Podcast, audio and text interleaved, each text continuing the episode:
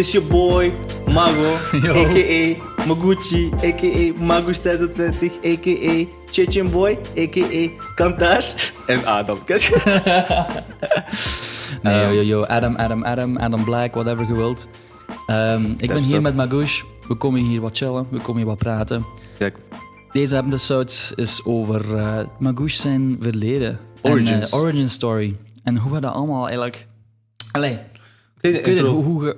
Kleine intro lijkt me wel leuk over hoe we tot stand zijn gekomen. Allee, hoe, dit, hoe we ehm, ja, op het idee gekomen zijn om een podcast te doen, moet ik het zeggen? Want ik was, dat was eigenlijk mijn idee en dat is gewoon heel simpel. Ik heb heel veel ehm, ik heb vrienden, maar ik heb niemand die is gelijk Adam is. En heel eerlijk, hoeveel keer hebben we elkaar gezien? Drie keer of zo. We, kennen, we kennen elkaar ehm, sinds vorig jaar. Zo toen met Kirill zijn gaan wandelen. Ja, één keer met blockchain. En toen, was, toen was het wel klik. En toen ben ik naar Berlijn verhuisd voor werk. Mhm, En we hebben elkaar wel acht maanden niet gezien. mhm. Ehm, maar je zit me wel bijgebleven. Omdat ik vind dat we zijn zo different species, beetje. Different breed from eh, anderen. Niet per se omdat we slimmer zijn, maar we hebben gewoon dingen meegemaakt. Ja, ja, ja. Waardoor we heel veel We hebben een self-reflection ander hebben gedaan. perspectief, zeg maar. Voilà. En we durven over dingen praten waar mensen niet over durven praten. En ik had zo... We zijn misschien tien keer samen iets gaan doen, gaan wandelen. En we hebben zo leuke conversaties gehad dat ik dacht zo van... Damn, dat wil ik wel... Allee, ik denk wel interessant is voor andere mensen. Maar ik vond ook voor mezelf was dat interessant. Gewoon om Om- op te nemen. Hè, zo. Maar ook Ja, het gesprek met u te hebben. Dus, dus voor ons is dat therapy, zeg maar. Snap je zo? Dat is gewoon mental freedom. Yep, Zo- yep, yep. Zo'n conversatie hebben met iemand waar jij zo op dezelfde golflengte bent. Waardoor je het gevoel hebt van, ah, ik heb eindelijk alles gezegd wat ik zou zeggen. Mhm. Eh, Als we dat één keer per week doen, we voelen ons goed. Moesten anderen het ook leuk vinden. Iedereen heeft er allez, plezier nut aan, wat je wilt Mhm. zeggen. En dat is het interessante daaraan. En zo zijn we er tot stand gekomen. De naam. Ehm, we hebben heel breed gepakt, maar toch interessant. Life is Strange. Ehm, ik denk dat we allebei de, allee, daarmee akkoord gaan. Voilà. En, ja, is eh, ook zo. Dus wij wouden eigenlijk... ehm, ja, dus eh, enkele dingen die gezegd, hè. Dus we wouden een paar dingen bespreken die andere mensen niet bespreken. We hebben ook verschillende dingen meegemaakt. Dat wil zeggen dat we een ander perspectief hebben op so- sommige zaken. mhm, Dus allee, topics zoals economie, topics zoals empathie en altruïsme. En niet enkel dat, maar ook van hoe interpreteert je die nu in het daglicht van, het, van, van elke dag leven, zeg maar. En eh, de meeste mensen die hebben zoiets van, "Wa- waarom zoek je betekenis in die dingen en zo? En waarom praat je daarover? Kun je niet gewoon chillen? Of kun je gewoon niet allee, over iets anders praten? ja. En inderdaad, zoals gezegd, toen ik met u die klik had, dat was van... Wauw, we kunnen echt wel heel lang Ja. bezig zijn met die ene topic. En we luisteren naar elkaar en we vinden dat interessant allebei. En eh, we leven nu in een tijdperk van digitale technologie. Exactly. En als je iets zegt, dat is voor altijd gezegd. En als je dat niet opneemt, dat is ook misschien niet zo fijn. Ja. Dus daarmee dat we, allee, zeker met al die contentstrategieën die je dan online hoort, die je kunt doen, in plaats van dingen op te nemen of te vloggen, dachten wij, kom, we gaan de podcast eruit doen. Een soort van een tv-radioshow en zien of we dat misschien toch Ja. wat fijn kunnen doen. En van het ene is het ander gekomen. We hebben, we hebben gebrainstormd over namen. Ja. We hadden een paar leuke namen. En maar Live is Strange was toch zo wel zo eh, encapsulated. Want En toch specifiek genoeg, want we Ja, praten ja, ja. over het leven, de brede betekenis Sowieso, over leven. absoluut. We kunnen dus niet zo een naam kiezen, economy, want dat is misschien zo één klein deel- deeltje waar we over praten. Snap je dat? We praten heel veel, filosoferen heel veel. voilà. Of zo'n super filosofische naam zoals Invisible Walls. Ja, exact. ja. Wat een mooie naam is, maar dat zou niet direct misschien mensen aanspreken. En Exact, niet, tot eh, call to action.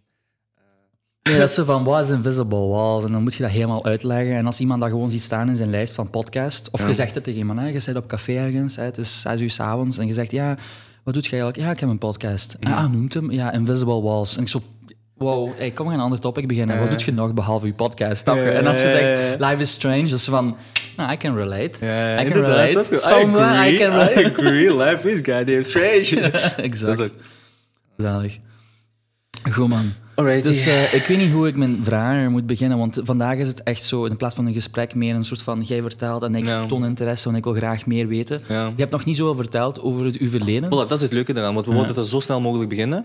Omdat wij, omdat we elkaar eigenlijk niet zo goed helemaal kennen. Snap je? Ja, je hebt een relatie van tien jaar. Je, je hebt al zoveel dingen meegemaakt en verteld. Alle kleine details. Mhm. En dat hebben we bij elkaar nog niet gedaan. Dus dat was zoiets van, kom snel een podcast beginnen, waardoor we Ja. die conversaties wel kunnen opnemen. Ja. En je hebt die organic shit nog. Voilà, Zo zonder dat je, van... Ah, ik heb het al verteld vroeger, weet je, maar ik kan nog eens... Oh, Shit, extra maar applauses. uh, overacting. Voilà. Nee, ik vind het allemaal een goed idee. Oké. Maar weet je, wa- waarom zou je niet vertellen met eh, waar je geboren bent? En go on Eh, from there. Ja. Geboren in Tsjetsjenië. Hmm. Ehm, het Republiek... De Republiek of het Republiek? Het Republiek? Dat zijn van die moeilijke vragen. Ja, snap je? Ik ben duidelijk niet in België geboren, dus laten we het zo zeggen. Eh, Republiek van Tsjetsjenië.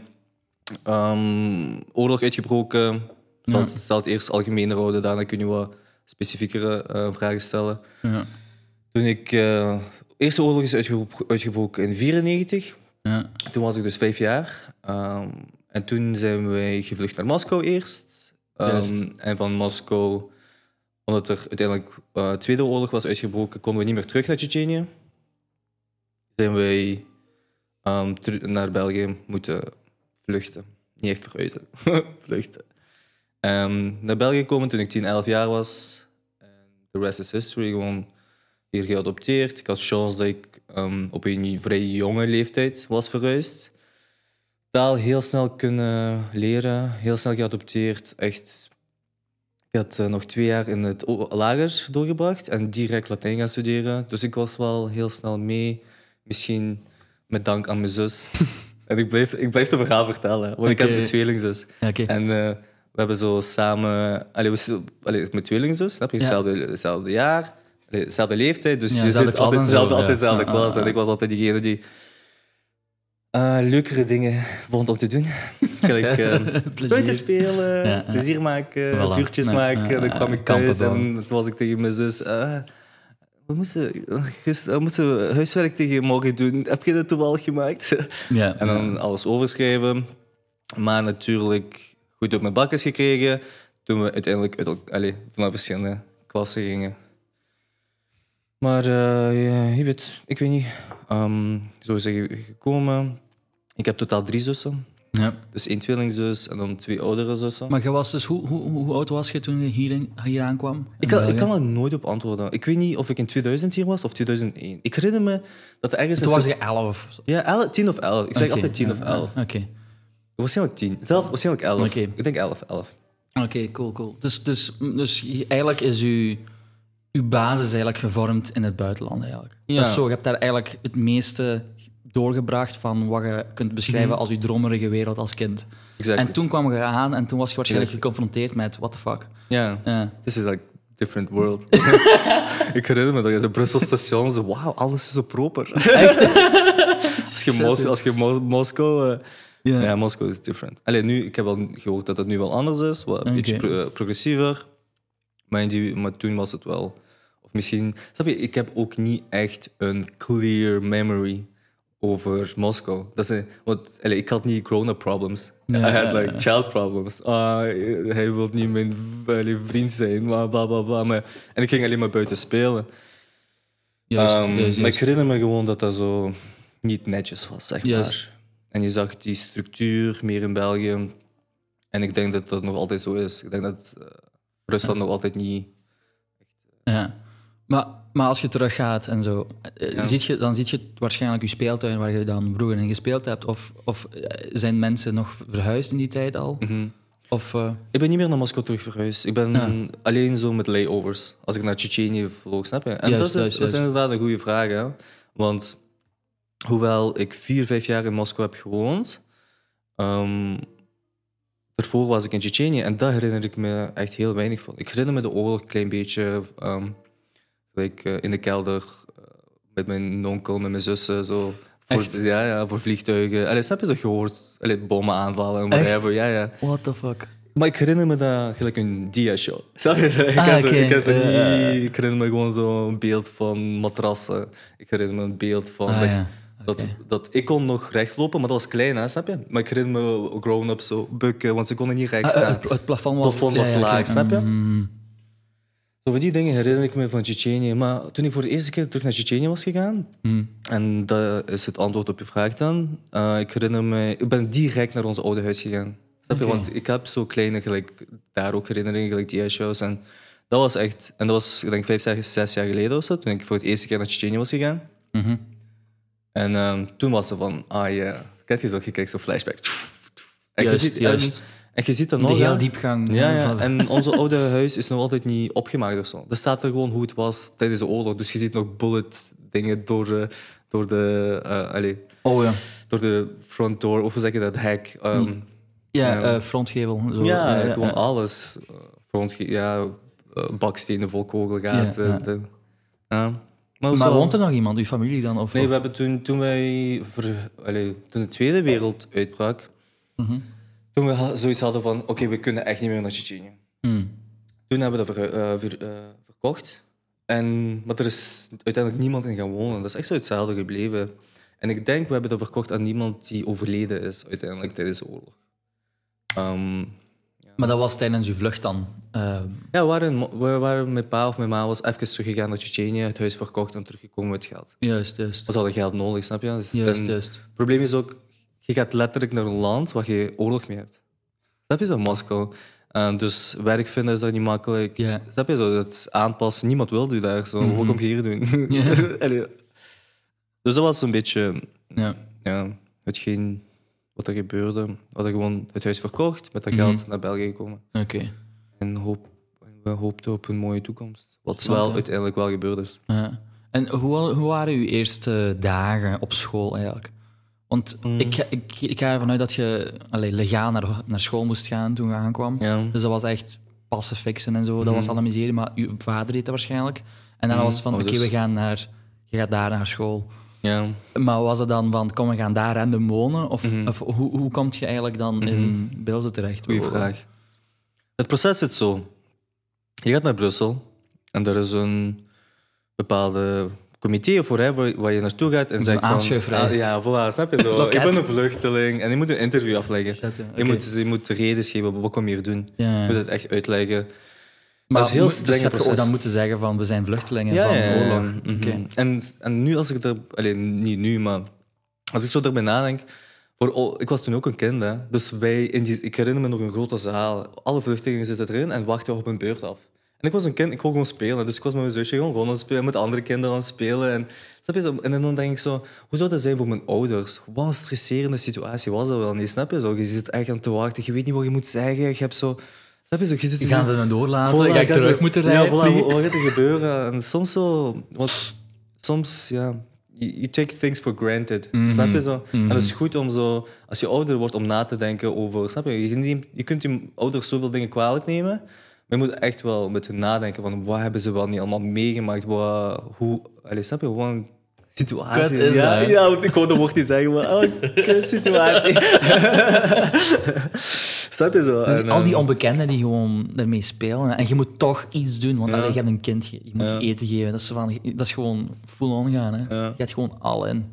Ja. Maar dus je gaat in een loket en je krijgt de documenten en dan zeggen ze je van Voilà, ga je naar moet een Brussel. interview afleggen en ze, zeggen, en ze geven u gewoon een stad waar er niet genoeg allochtonen zijn.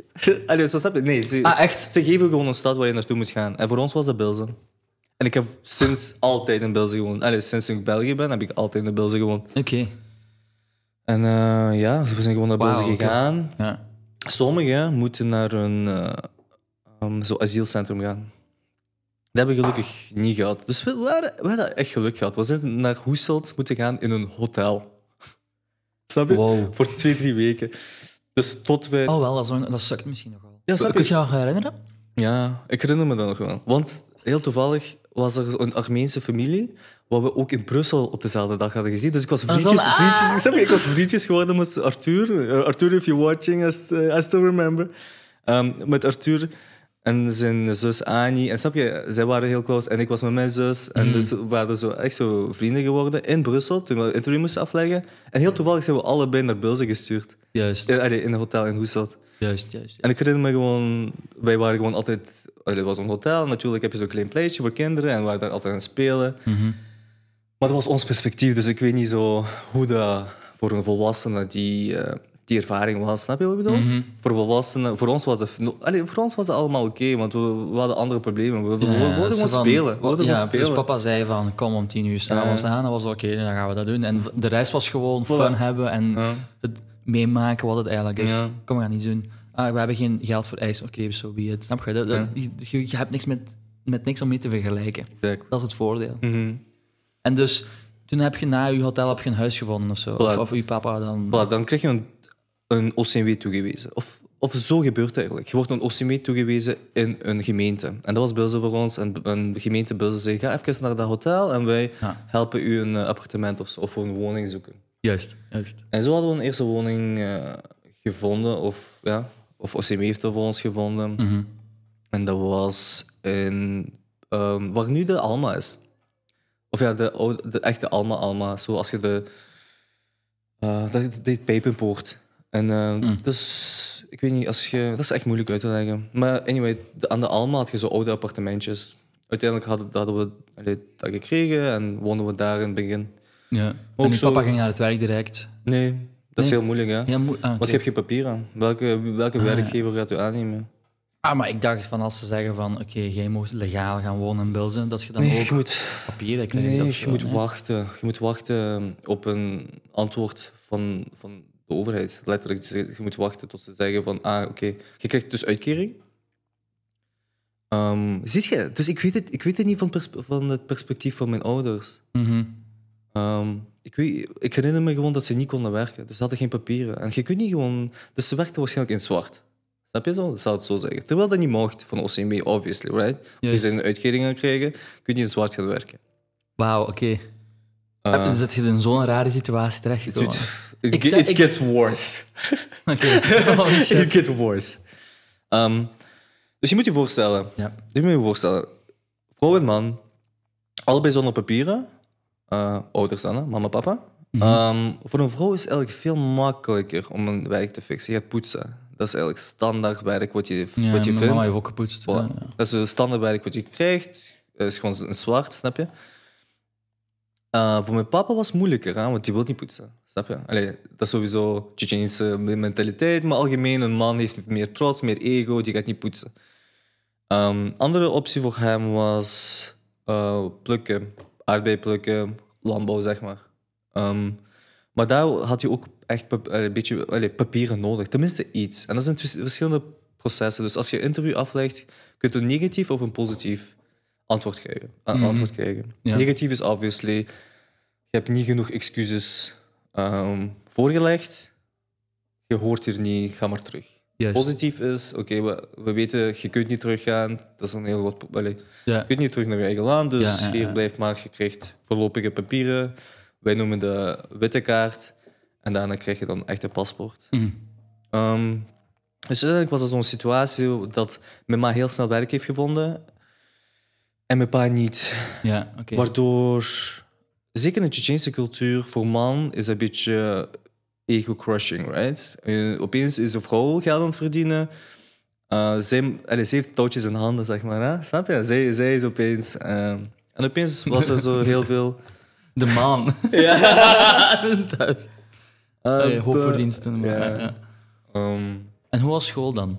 Dus je begon direct met Ja. school of moest je wachten tot september? Of... Ik zal even afstappen van hun perspectief. Ik zal even terug naar mijn perspectief gaan. Ja, ik was direct naar school gegaan. We hadden eerst staatsschool geprobeerd hier in Bilze. Staatsschool. eh, we mochten daar niet, omdat er al veel allochtonen zaten. Uiteindelijk wel goed, want blijkbaar... Allee, was dat zo niet echt de beste school of zo in Bilze. En toen zijn we een andere school proberen waar geen allochtonen zaten. En we zijn er geaccepteerd. Dus ik zat in een vijfde leerjaar. Dus ik had twee eh, jaar opnieuw moeten doen. Mhm. Ehm, en uiteindelijk gewoon, ik herinner me, ik herinner, ik herinner me, ik was heel onzekere jongen.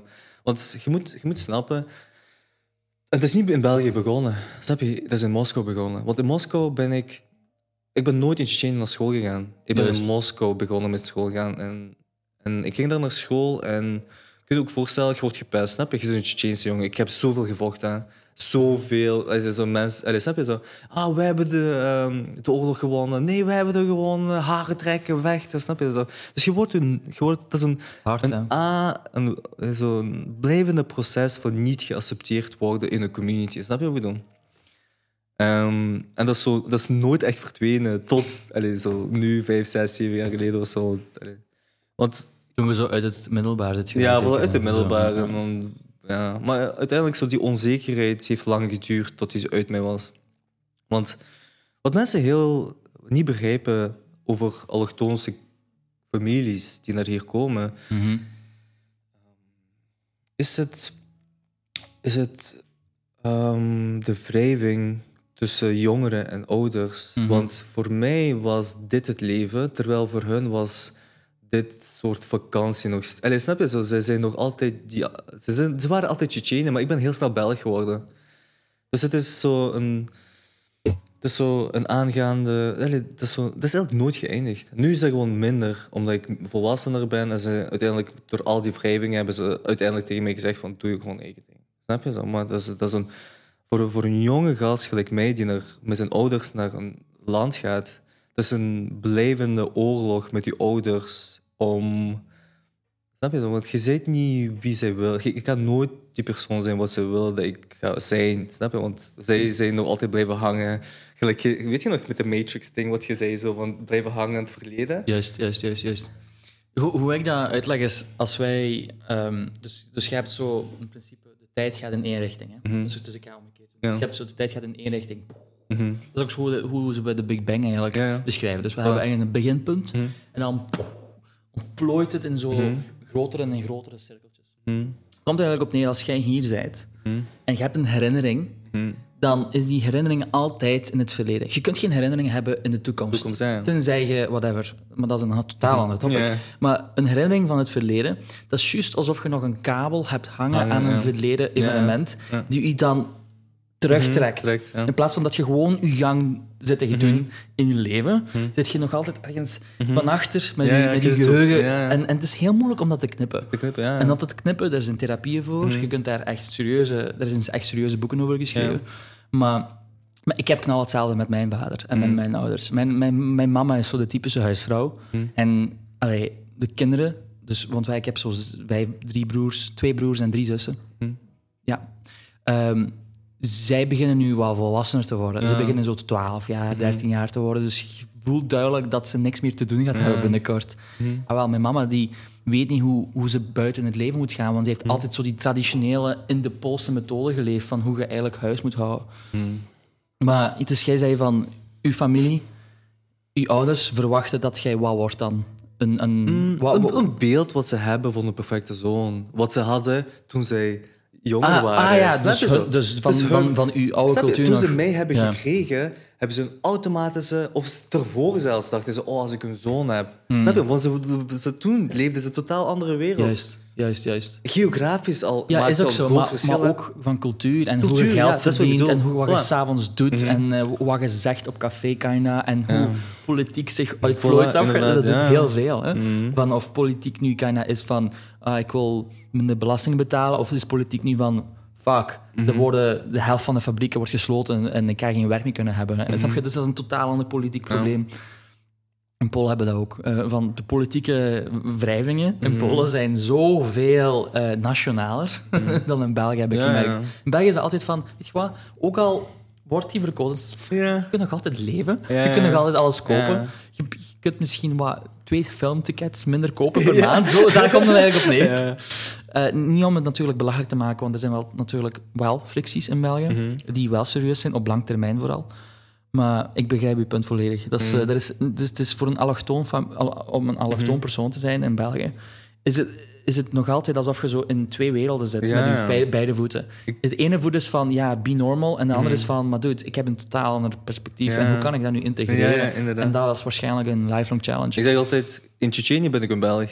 In België ben, in België ben ik een Tsjetsjen. Ja, Altijd. ja, ja, There is no way around it. Dat is echt zo, je blijft zo tussen die twee werelden eh, proberen zo te mixen. Ja, dat is knal hetzelfde wat mij trouwens mijn oma zegt. Mijn oma, die praat Duits als ze Nederlands moet praten. Nederlands. En als zij Nederlands moet praten... eh, eh, als ze Duits moet praten in Duitsland, praat ze Nederlands. Nederlands. Dat kan je niet normaal doen. Dat is wel interessant. Dat is juist of je wordt geconfronteerd met, die, met de polariteit van... Ja. Wat, wat, wordt hier, wat wordt hier gedaan? Mhm. Oké, dan ga... hoe ga ik me kunnen vinden in deze authentieke wereld? Wereld, ja. En dan heb je zoiets van, oké, maar als ik dit uit, wat ga ik doen met mijn andere kant? En dan identificeert je heel veel met je Mm. niet... eh allee, expressed Dus- kant, Mhm. eh, uitgedrukte kant. Uitgedrukte kant. En dan voelt je je meer Tsjetsjen in België, Mhm. denk ik, en omgekeerd dan in Ja. Tsjetsjenië. Maar dus, je, je, kwam op school aan in een middelbaar direct, of misschien Nee, nog een zesde middel, leren. leerjaar- ze- ja, vijfde. Vijfde, zesde moest ik doen. Ah, dus gaat zo nog voordat je, want Ja. middelbare mensen beginnen heel hard te worden. Dat is, al, dat is al veel moeilijker geweest moest ik Ja. zo direct. Maar daarom moest ik twee jaar over doen, om de taal te leren. Ah, oké. Voilà. En, en hoe is dat gebeurd? De taal was dat, ça va? Ja, de taal heb ik gewoon heel, heb ik heel snel geleerd. Maar ook zo probleem, puur omdat ik zo gewoon erin was gegooid. Ik ging gewoon door normale school direct, zo, snap je? Je, je ging niet tussen allochtonen Nederlands leren. juist. Wat een groot probleem is. Je zit zo één uur Nederlands aan het leren en dan gaat je zo terug. Kijk je zo... eh Normaal doen. Rustig of je eigen taal praten. Zo. Ja, ja. Dus dat was eh, sowieso ehm, wat heel eh, erg heeft geholpen. Maar nog altijd. Ik herinner me, vijfde leerjaar, moesten eh, testen, toetsen maken. Ik maakte die, maar ik, ik verstopte die altijd onder mijn bank. Snap je zo? Die onzekerheid. Ik durfde niet... Ik, snap je zo? Ik wist dat dat niet juist was. Terwijl mijn zus... Dat is wat ik, dat was, dat is wat ik apprecieer mijn zus. She never gave a shit. Zo. Snap je zo? Die was altijd zo... Maar heb je daar aan gevraagd? Of, of Nee, is dat zo... nooit meer. Maar die, had, die zat nooit met die insecurities issues vroeger. Die, die maakte gewoon nog tests en die gaf die gewoon af. En ik maakte mijn test. Ik, ver- wat snap je, ik, ik wou niet fout zijn. Allee, snap je, ik wou niet mijn resultaten laten zien, want ik wist dat is niet juist. Ik weet niet hoe ik ben aan het schrijven. Ik- dat was zo die, ja, dat was die, die struggle altijd op school van... Ja, ik voelde me niet thuis. Ik wist niet wat ik aan het doen was. Mhm. Ik, het enige wat ik was, ik wou gewoon buiten voetbal gaan spelen. En, dat, snap je? en dat deed ik veel. Mm, uiteindelijk ook wel allee, gepest geweest, maar niet in erge, Mate. erge mate dat het echt een trauma is gebleven, want ik was zelf ook een pester. Ja. Interessant, ja. Maar wel, ik denk het meest interessante is, is dat, en dat is wat ik zie ook met heel veel comedians. Ik heb eh, een lifehack gevonden om geaccepteerd te worden. En dat was humor. Maar jezelf uitlachen? Of... Nee, ja, ook. Maar gewoon zo grapjes maken. Ik merkte opeens, ah, door, door mensen te laten lachen. Nee, ik, hoop- ik hoop niet dat mijn fles... Oh. How do you do that? Ja, we hebben een, we hebben een gast. Eh, vanda- vandaag is het een Boeddha. Zo noemt hem, Boeddha. Dat is mijn kitty cat Ja. van straat. Anyway. Zo ben ik grappig geworden. Puur omdat ik gepest werd. Zo heb je Ehm, je... humor ontwikkeld. Gewoon, ik wist... Ja, snap je? Ik wist gewoon... Ze zeggen altijd, als mensen lachen, dan slaan ze niet. Snap je zo? Als je zo mensen. Ja, kunt ja, laten lachen, dat is ook zo... Dat is wat ik deed. En mijn, mijn zus... En dat is zo heel snel gegaan. Ik was zo stilletjes... Ik was stil, stil, stil. Ik maakte één joke ooit eens op een speelplaats. En ik dacht holy shit. Iedereen vindt me grappig. Ik ben opeens populair. En toen is dat omhoog gegaan van, oh, ik moet blijven jokes maken. Maar natuurlijk, alles, alles wat je leert gaat zo super veel inspiraat. Tot je zo die perfecte ding vindt wat werkt. Snap je balans. De balans Ja, vindt. ja. Ehm, en eh, ja, mijn zus zei ook zo van, je is echt een clown. Ze stopt daarmee. want ze vond dat niet leuk. Die vond dat ze vond, annoying, ja. ze vond het een Ja. beetje annoying, want dat is niet wie ik was. Snap je zo? Die Juist. zag me zo opeens ontwikkelen in een, in een bepaalde kant, wat die dacht van, "Maar wat is je aan het doen? Just, just be normal, just be confident. Kijk je? En dat was niet. Maar uiteindelijk... ik weet niet. Uiteindelijk Dat is wel interessant. daarmee- Als je, als, eh, zag jij het leven dan in principe als een, als een mop of zo? Van, wat een comedie heb ik wel niet was- doorleefd. Ik kom hier fucking aan in dat België. was, dat was ik ken er bills en wat de hahaha. Dus ik ga gewoon mop, moppen maken van mijn bestaan of zo. Maar dat was zo belangrijk voor mij dat ik daar non-stop over nadacht. Voordat ik naar school ging, dacht ik, oh, welke jokes ga ik vandaag maken? Snap je wat ik bedoel? echt? En ik werd jaloers op mensen die grappiger waren als mij. Juist. Dat, dat was, eh, grappig zijn was opeens zo'n groot deel van mijn leven. Omdat, maar puur omdat eh, opeens, door, allee, vergeleken met mijn verleden op, dat op dat moment, was ik veel populairder dan ooit. En ik dacht zo, Ah. oh shit, dat komt door humor. Humor is opeens, snap je zo? En sinds dat moment is, ben, ben ik humor beginnen ontwikkelen, ontwikkelen, ontwikkelen, ontwikkelen. Oh, interessant. Ja. Want ik heb wel ook, nu ik terugdenk, ehm, de beste momenten van mijn middelbare school waren ook gebeurd toen ik mopjes begon te maken. Mhm. Ehm, Maar daarna was ik van klas veranderd. En daarna was het veel moeilijker om mijn mopjes te maken. Want je moet zo'n beetje intunen met mijn mopjes of zo. Mhm. En dus toen ben, ik volledig van de baan gekaatst. En heb ik volledig opgegeven van mopjes maken. Ah, toch, ja. Ook al was dat, heb ik ook zo'n moment, ik kan dat nog heel goed herinneren, in tweede middelbaar, van, dude, jokes work on everybody. En dan was ik zo, maar was zo te laat ingeschreven op 1 september of zo. Ja. Pas, normaal schrijf je zo twee maanden op voorhand in Ja, op het ja. volgende schooljaar. Ja. En ik schrijf me zo de dag zelf in. Dus mensen komen om 8 uur s ochtends de sch- de school binnen en ik kom zo aan, yo, I'm not subscribed yet. dus ik moest naar het secretariaat gaan zeggen van, hallo, kom inschrijven. En die zo, ah, Adam, je zit een van de enigsten die nog niet ingeschreven is. ik zo, no way. En daarom kom ik hier. en dus ik was in een random klas gezet in de Ja. derde dan. En dat ze van, who the fuck gaat me kennen? Ik ken niemand. De, de, Mm. de. Dat was ook zo'n, echt zo'n een, een mengklas van vier, vijf verschillende richtingen. Mm. Wat, wat het super complicated maakte. Want als zo de ene is, dus, je hebt altijd kliksjes van acht en die volgen wetenschappen, die volgen handel en die Mm. Ja. volgen wetenschappen, wiskunde. Dus dat was plotseling wat moeilijker om, Ja, ja. om een joke te maken. Want je had die groepering Ja. die dan kan je tegen elkaar. Je voelde dat heel duidelijk dat er zo een frictie was tussen de Mm. Ja, groepjes. ja, ja. Dus plotseling was het zo, no, humor doesn't work. En dan was, was mijn leven totaal Maar, anders gegaan. hoe is dat op dat moment gekomen? Wat is er echt gebeurd? Ah, wel, ik heb jokes gemaakt en dan mensen die dan mij begonnen te pesten op mijn polheid. om- En van hoe stom mijn jokes zijn en zo. Ah. Dat is letterlijk zo, ene, ene persoon vond dat grappig. En die van, vind jij dat grappig? En, zo, en die Ah. andere van, oh, ik voel me retarded dat ik dat grappig vond. En die wouden dan liever, omdat de andere mensen niet per se de self-confidence hadden, om, om zoiets te van, ja, ik vind dat eigenlijk wel grappig. Begonnen ze zich voor te doen alsof het Mhm. ze eigenlijk niet grappig vinden. En dan begonnen ze zo'n een soort van bubbel te creëren van Mhm. Adam is vies, Adam mocht je niet grappig vinden, Adam is retarded, dat is een Pool. En, Mhm. Die, en ook om een reden, hè, de leerkracht van Nederlands. Ik had altijd heel goede punten met DT en fucking zinsplitsing en Ja, shit. was allemaal heel goed, Mhm.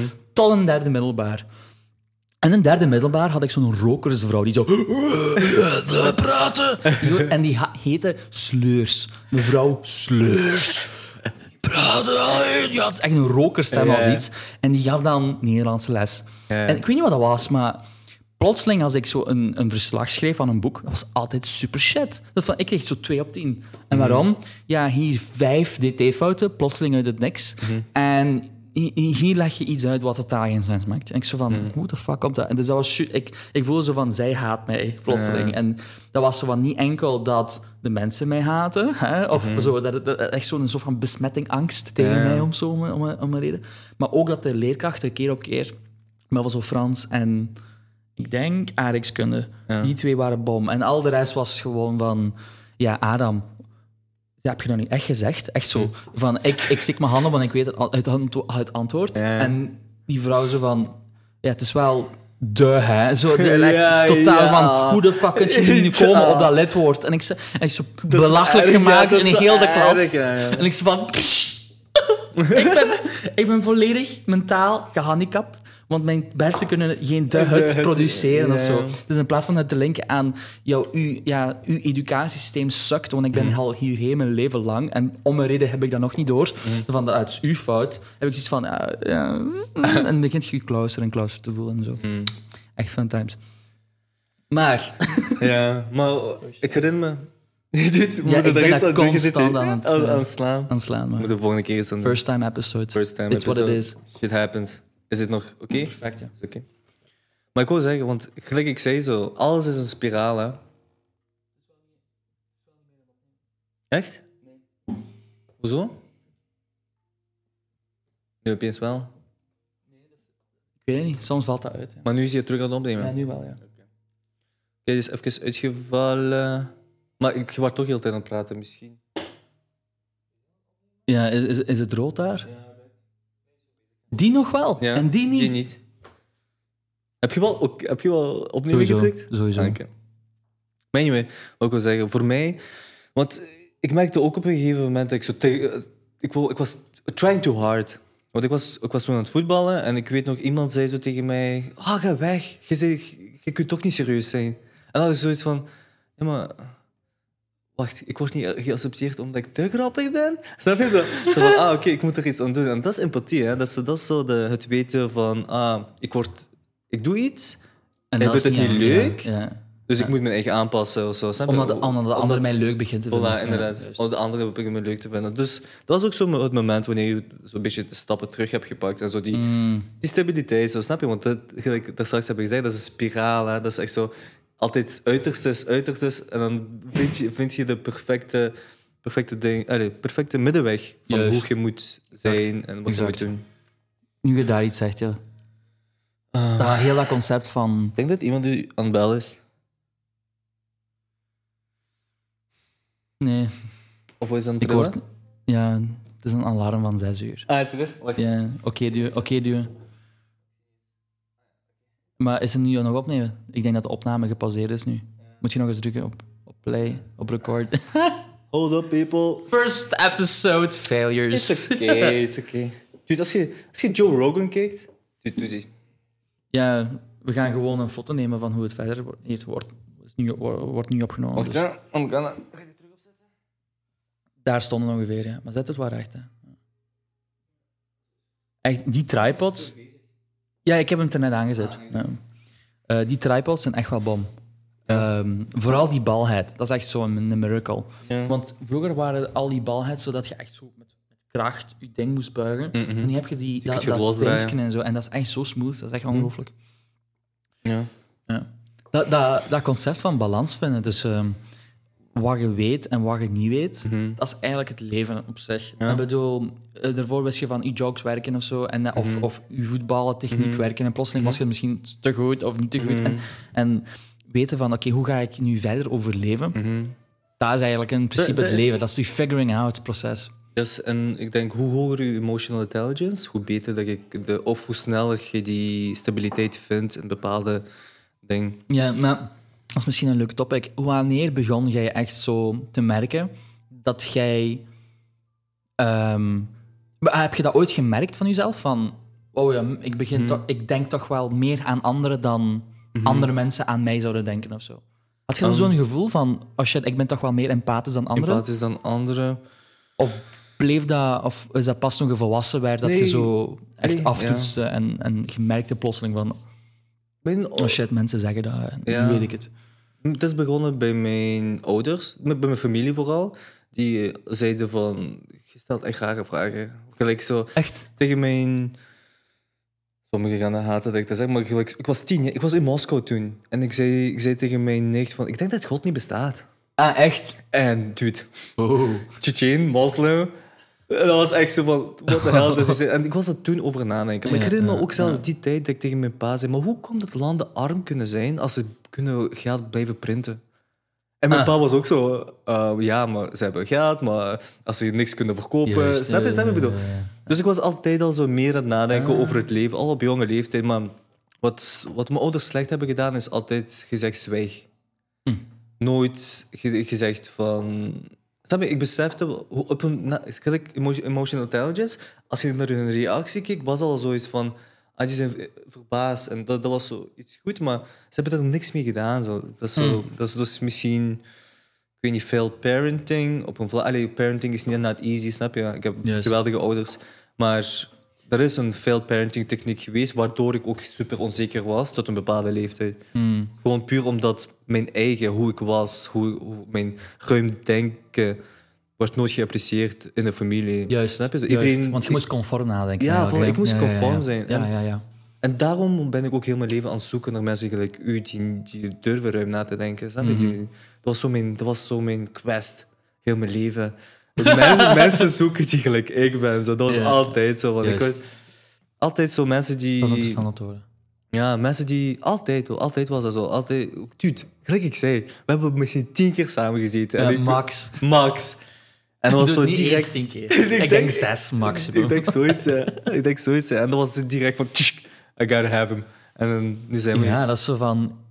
Dat, dat lijkt juist alsof je dan, voordat je zin wordt afgemaakt, dat je weet van, oh, die zegt iets wat ik totaal voel Voilà, en zo. inderdaad. Zo, holy shit. Nigga is taking a different level. Zo, snap je? Ja. Ongelooflijk. En dus, ehm, ooit blijven zitten misschien? Kort Ja. vertel daar eens over. Ehm, ik ben, eh, dus ik had ASO gedaan tot vierde middelbaar. Daardoor ben ik informatica beheer gaan studeren. Totaal andere school. TSO opeens. Van ASO naar TSO. Hmm. En dude, dat is Toen is het beginnen allemaal going downhill. Algemeen, algemeen, dat was ook zo... Snap je, je zit opeens ook niet meer in een stad waar je ouders wonen. Je zit niet meer in de community, dus je zit meer vrij van doen. Je kunt doen wat je wilt. Je zit, snap je? zo? En, en, en informaticabeheer, je zit in een klas vol jongens. Want, klas vol meisjes, er is, er is, er is, er is wrijving. Je wilt nog Ja. altijd, snap je? zo? Je wilt nog altijd niet, niet jonge jongen zijn. Je wilt nog altijd een betere jongen zijn. Juist, maar juist. jongens er is onder elkaar... om te vechten. Voilà. om te- Maar jongens onder elkaar, dat is gewoon varkenstal. dat is gewoon... Dat is gewoon niet te Ik heb doen. daar, daar zin in. Oké, let's do this. Ja, dude, we Hey, hebben- doe, doe wat je wilt. Doe wat. Laat me gewoon met rust. dat, dat was, dat, dat was gewoon niet normaal. We, hebben, we zijn drie keer naar de directeur gestuurd geweest. We hebben gewoon de klas afgebroken. Dat is gewoon... Dude, maar ik was ook vaak aan de directeur geweest. Hè. Ik heb echt misschien 12, 15 visites gehad. Oh. Echt niet normaal. En, alleen, maar dat is misschien voor de volgende episode. Echt grappige zaken. Ja. Waarom en zo. Maar oh, dat gaat echt grappig zijn. Maar ehm, wat ik u wil vragen is... ehm, dat was informatica-beheer in het vijfde of zesde middelbaar. Vijfde, zesde, ja. Dus vijfde ben ik... Juist. Vijfde heb ik opnieuw En dat was doen. dan waar? In Hasselt? Dat VTI. Ah, VTI. Cool, mijn broer was er ook. Ja? Eh, ja. Is is zo centrum, hè, dat is zo tegenover... Ja, ja, ehm, stadhuis. Stadshuis, ja. Ja. Inderdaad. Maar nu is dat dat is nu weg. weg, hè. Ja. Shut up. Oké, en dus informatica beheer, en dan sprak u aan zeker. Want had andere keuzes, of, of hoe, hoe, hoe zit je dan in die communicatie, informatica, je dat terechtgekomen? Oké, ook een goede vraag. Ik denk... Ik, het is, allez, ik spendeerde heel veel tijd achter de computer. Ja, juist. Nieuwe technologie, Automatisch. interessant, internet is uit. Maar het is niet dat ik programmeerde. Oké. Ik was gewoon spelletjes aan het spelen. Dus. Dat is ook technologisch, Dat is ook technologisch. sowieso. Maar toch, ik denk dat ik zo meer informatica beheer ga doen, omdat al mijn vrienden zijn dat gaan doen. Snap je? Ah, echt? Ja, dat was, ik denk... Allee, verschillende variabelen, verschillende factoren. Maar vrienden wa- waren, was de grootste factor Juist. om naar daar te gaan. Snap je? Absoluut. En eh, uiteindelijk geen spijt van, hè. Ehm, Ik heb van niks spijt, eigenlijk. Ik ben blij met ben Mhm. dit jaar... Maar, maar, maar voordat je informatica beheer ging doen, was je eerst gebuist, zeker? Of, of Ja, hoe, ik, heb, hoe moet ik ik dat zien? een was zo B-test. Ik had een B-test, vijfde Ah, jaar, dus dat was ook... Maar ik was met Kirill, met Kirill allebei blijven zitten in de vijfde. wat- Ah, echt? En toen was een andere kameraad van vierde naar vijfde bij ons gegaan. Dus, maar dat jaar was oké. En dus iedereen was dan naar het zesde gegaan. Ehm, Eh, dus en ja. dus jullie gingen allebei dan van Bilze, zeker dan? Ja, naar. VTI. ja. En dus je had zo'n deeltje van een community meegenomen. Ja, ja, inderdaad. Ah. Daarom ben ik dat al gaan doen. Iedereen, al- met iedereen waar ik vrienden was geworden, Ja, is dat close- daar, is dat daar gegaan. Ik zei, wat ga ik hier aan beelden doen? Sowieso. ja. Oké, en dus in VTI was dat twee leuke jaren zeker. Is er iets fantastisch of iets super slecht gebeurd? Heb je iets gebroken? Super grappig. Super grappig toen Kirill een ar- zijn arm heeft gebroken. Nooit gehoord? Nee, nee, nee. We, gingen, allee, we, waren, we waren echt deugenieten. En eh, s smiddags gingen we dan... eh, s smiddags mochten we buiten school gaan, ontbijten, ah, eh, lunchen. En Ja, kwamen, ja, ja. kwamen terug. Maar er was een moment Mag ik ook. wanneer Kirill niet naar buiten mocht, om een of andere reden. Hij heeft iets misgedaan of zo, whatever. En, Ik en, begrijp die- het. en dat, was zo, dat was één raam.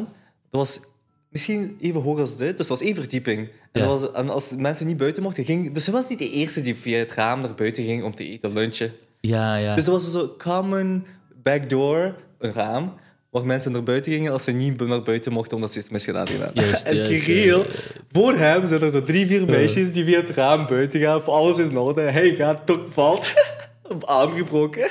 Oh nee. En zo Van de hem- eerste verdieping of wat? Ja, letterlijk. Echt zo. En voor hem gaan zo drie meisjes. En dan zo alle drie meisjes, oké. Hij gaat, valt. Echt zo. ah.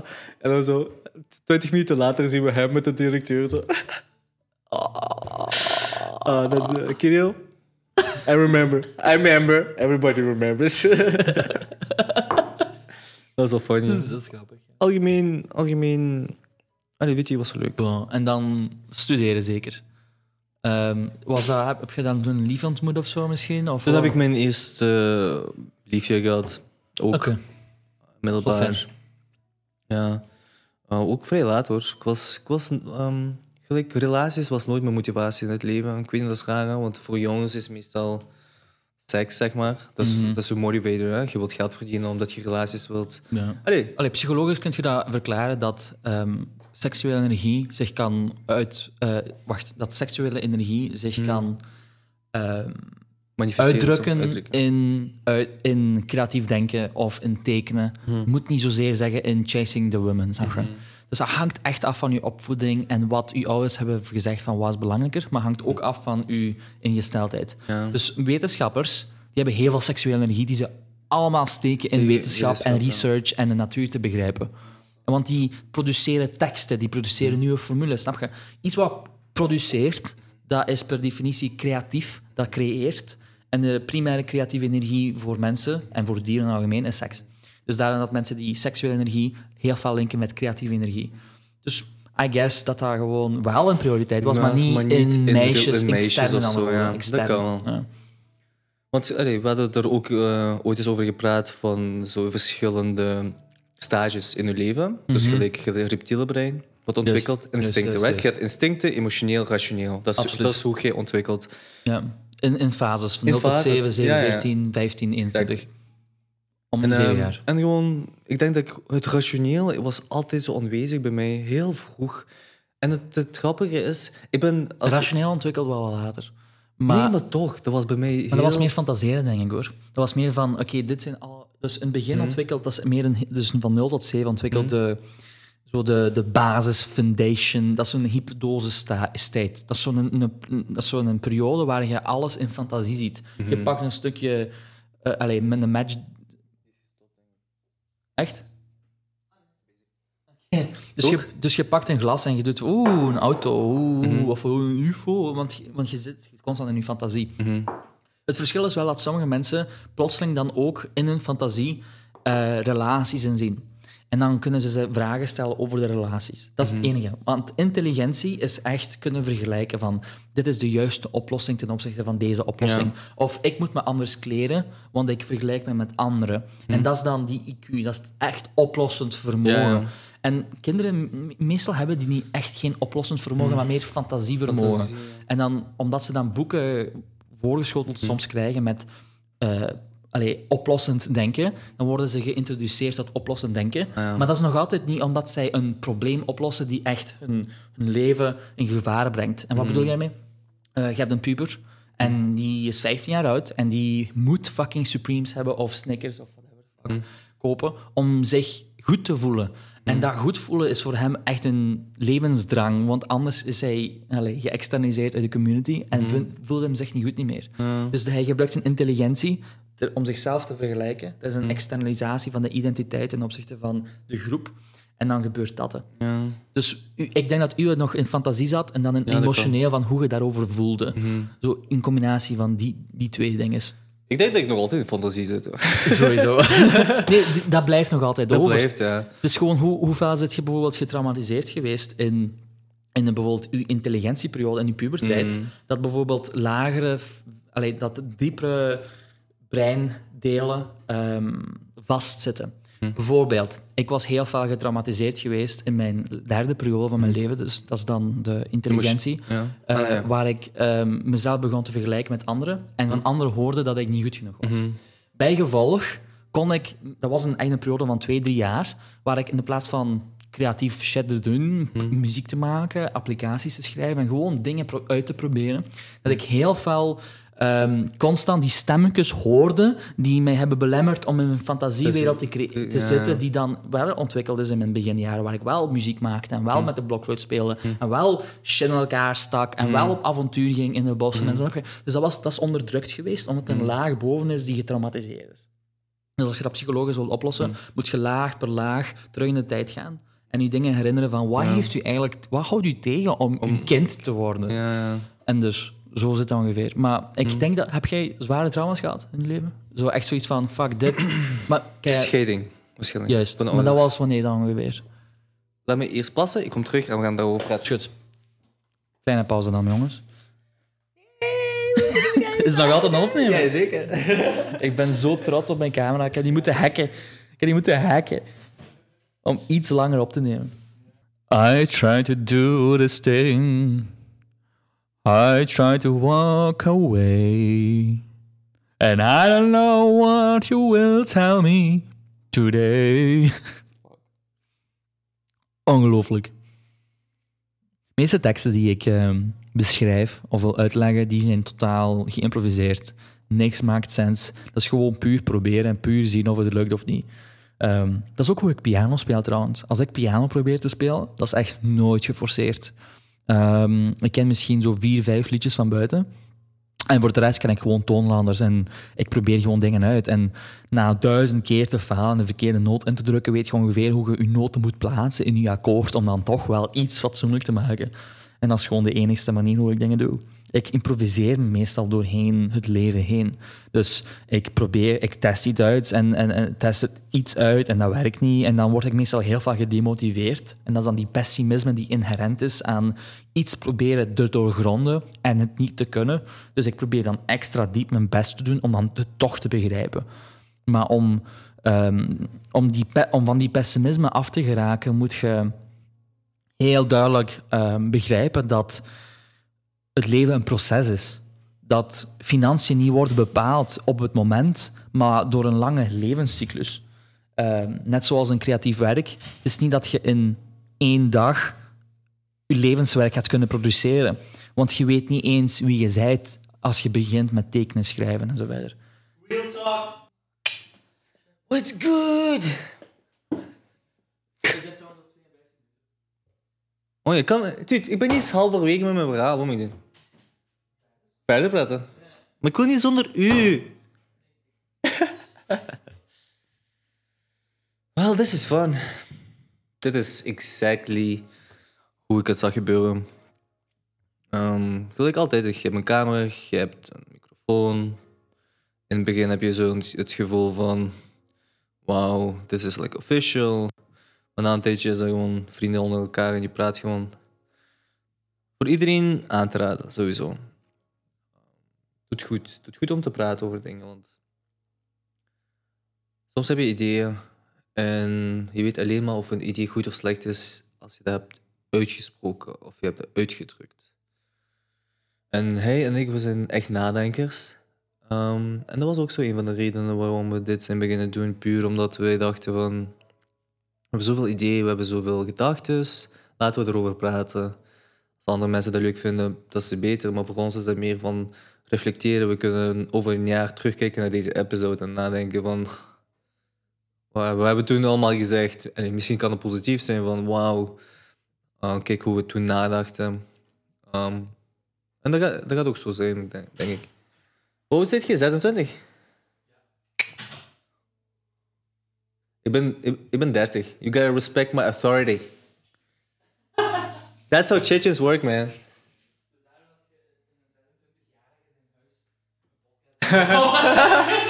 Ja, snap je?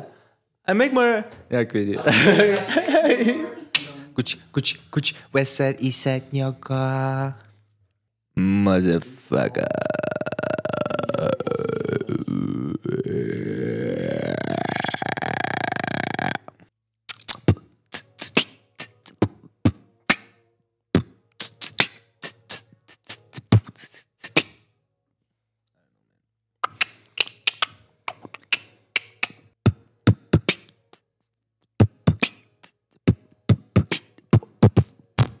Dus voor de plaspauze zijn we geëindigd bij...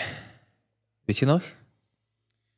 We waren eigenlijk aan het praten over de verschillende ehm, psychologische periodes. Nee, je had, me, mensen je had me meemaken. gevraagd. Heb je grote trouwens meegemaakt? Ja. En ik had geantwoord. Scheiding. Scheiding, juist. Ja. Goed zo, ja, inderdaad. Maar je wou eerst plassen. Heb je geplast? ja. Super. Terug water. Allee, cola. Ja. Dus we kunnen er terug tegenaan. Ehm, scheiding. Dat was toen je Fuck. hoe oud was. Fucked up. Hoe oud was je toen? Ehm, Voordat we verder gaan. Nu zit je 30. Eh, zijn we al doorheen je studie, studieperiode gegaan of geweest? Of, Wat hè? Ehm, wacht, net, dus na je middelbaar, na je VTI, zit je gaan studeren direct. Ja. Wat? Eh, ik heb een half jaar rechten gedaan. Daarna, ma- daarna marketing. En daarna communicatiemanagement. Oké, en hoeveel jaren duurt elk dan? Eén en half jaar en daarna waarschijnlijk Half half jaar niks gedaan en dan... Nee, letterlijk. Ik, ik zat in mijn derde jaar in marketing. Maar ik had mijn Duits... Ik ook was echt super slecht in Duits. Maar dat is mijn dat standaard excuus, maar ik zat gewoon slecht in wereldje toen. Uh, wiet roken, smiddags. Allee, zo mensen leren kennen, waar ik altijd meer zo kent. Je, oh, ook, ik heb mensen gevonden die hetzelfde als mij denken. Ik wil gelijk hun worden. Echt zo typisch zijn. Dat je zo niet comfortabel bent met wat je zei. Dat je zo altijd zo dingen overneemt van anderen. Zo. Dat was zo typisch en het heeft zo veel te lang geduurd tot eigenlijk communicatiemanagement. En ik zat in marketing toen, Klim. Klim, nu is dat UCLL. En eh echt door het derde jaar. Ik heb al enkele vakken van het derde gedaan. Sowieso. Maar ik had eh, nog altijd Duits van het eerste. En ik mocht niet meer trissen. Dus ze zeiden ciao. Niet meer trissen. Trissen, ja. Dus je mocht bissen. En trissen mocht ik niet meer. Dus ik zat Ah, ja, letterlijk, ja, ja, ja, was letterlijk in het derde. alles. is twee keer proberen... Twee keer? Ja, Trissen juist. is drie keer. Juist. Dus Helemaal buiten. Bye bye. En toen ben ik naar PL gegaan. PL zegt, ah, oké, wat je marketing studeren? Ah, oké, dan moet je drie jaar opnieuw. En ik herinner mij, No way. PHL buiten gaan. Echt wenen buiten. Echt gewoon wenen. En niet omdat ik zo teleurgesteld was in mijn eigen, wat ook een factor was. Maar ja, de grootste factor was, ik moest het vertellen aan mijn ouders. En er was altijd een pressure van mijn ouders van... Oh, maar je gaat ons redden. Snap je? Ik was zo de... Ik was de Jezus. Savior, ik was ja. de savior. Je bent de enigste zoon. Die master En- gaat doen. En die pressure is sinds jonge leeftijd op mij gelegd. En trust me, als je kinderen hebt, nooit zoveel pressure op je kind leggen. Want die, die, snap je, je zit nooit... Je doet nooit, nooit meer aan je eigen. eigen dat is zo, die, die pressure, dat is iemand die altijd zo in de rug Ja, aan van- duwen van- is van please, doe, doe en presteren en please. Alles hangt van jou af, zo, snap je? En ik was te jong. En ik was gewoon te jong op die leeftijd om dat... Ja. Crazy man. Anyway. Ehm, de scheiding was daarvoor gebeurd. De scheiding was... Ik, ik was toen nog aan het voetballen. Wow, dat was 15 jaar of zo. Ik was 15 jaar toen. Nog middelbaar. En weet je nog dat, dat ik eh, daar straks zei van... eh, mama werkte, papa werkte niet. Dat is die wrijving die tot scheiding heeft Van die eh, als ouders. gevolg. Van die ouders. Ja. Oeh. Allee, dat is wat ik nu hoor van mijn ouders. Hè. Maar hun perspectief. Maar wanneer was de scheiding dan ongeveer dan? Dat was 2005, 2006, zal zoiets zijn. Ik was nog middelbaar. Dat was nog voor zelfs Oké. dat ik in VTI zat. Dat was... Was dat, was dat hard voor u? Om, want dat was waarschijnlijk ook een zware periode dan. Dude, uh, Was me, van- ik was enige jongen. Aan wie, uh, uh, wie, aan wie trekken ze dan? Niet de zussen, niet hun dochters. Dus ze willen de zoon hebben. Want dan, dat is hun zekerheid voor de toekomst. Dus mijn pa gaat apart en hij heeft dan een eh, appartement gehuurd. En ik moest altijd zo bij hem zijn, snap je? En dan ga ik bij mijn pa en mijn pa vertelt alles wat slecht is over mijn moeder. Echt? Snap je zo? Dat, dat is het, it still happens to this day. To this day. Is nog altijd dat mijn pa graag vertelt hoe slecht mijn moeder is. Ik ga bij mijn moeder. Mijn moeder vertelt graag hoe slecht mijn vader is. En dan zeg ik zo, Oh my God. shit. Ik, maar dan zeg zo, En nog altijd? Of, uh, ja, nu minder. Maar, als, allee, snap- als, je- als je op de topic komt direct. Voilà, voilà, eh, topic, eh, snap je zo? Dat is echt zo. Alsof dat voor mij gewoon zo, zo slide was, zo, snap je? Dat was gewoon zo, wee, scheiding. Voor hun, voor hun was het Ja, moeilijk. voor hun maar- was dat maar, zwaar, eh, hè. Maar ik... Wauw, voor u ging je naar Geen school, gaat probleem, maar andere ik was... zorgen. Ja, snap je? Dat was gewoon chill. voor hen, hè. Dat is gewoon chill. Geen probleem, Maar bon, dus je hebt eh, rechten gestudeerd, daarna marketing, Ja. daarna kwam je pixel, jankend buiten dat je die friction had met die ouders en zo. Ja, alles was gewoon Ehm, kut. Maar je hebt toch besloten om die drie jaar te doen, want kom aan, allee. Niet direct. Ik, ben, eh, ik werkte altijd in horeca, dus ik ben ook gaan werken sinds mijn 15 of zo. Echt? Oh, in de mooi. bouw. Dus ik was ehm, met onze, toen ik, ja, onze Oh, buur, toen ik 15 was, onze buur, wij, allee, die was een eh, ondernemer, die had zijn eigen bouwbedrijf en we konden goed overeen. Zei zo, ah, geef, ik wil je zoon wel werk geven, dus ik kreeg nog 7 euro per uur, wat echt wel nice was over die tijd. Ik was wel 15, 16 jaar. Mhm. ging werken, was echt wel... Allee, het heeft me ook wel een beetje discipline gegeven, snap je, wat ik niet had. Discipline bij mij is echt toen pas begonnen. zo. Want school heeft er voor mij nooit gedaan, want ik zat bij mijn zus en... Snap je zo? Ik heb nooit discipline gekend. En dat was ook zo nooit gepusht van mijn ouders ook. Nooit heeft mijn, hebben mijn ouders gevraagd, ah, geef je rapport, rapport eens. Dat is altijd de vraag, ah, heb je het goed gedaan of slecht gedaan? Goed, ah, zo maar. Gaat je dat? Ja, ja, ik geloof je. Oké, nee, bij mij was dat wel anders. Bij mij was dat echt van, Adam, je hebt eh 7 op 10, Kletsen. waarom geen 9? Ik had 9 op 10, waarom geen 10? Ik had een, ik had een 10, waarom heb je geen tweede diploma? Letterlijk, hè? Ja, Letterlijk, elke periode van mijn stu- studeerrichting, maakt niet uit hoe goed ik het deed. Mhm. Zelfs in mijn master. Ik had zo heel goede dingen. En die zo, Adam, ben, ik ben teleurgesteld in u. Van, waarom? Ja, met uw brein zou je drie faculteiten tegelijk kunnen doen. Ik zo, the fuck, wat?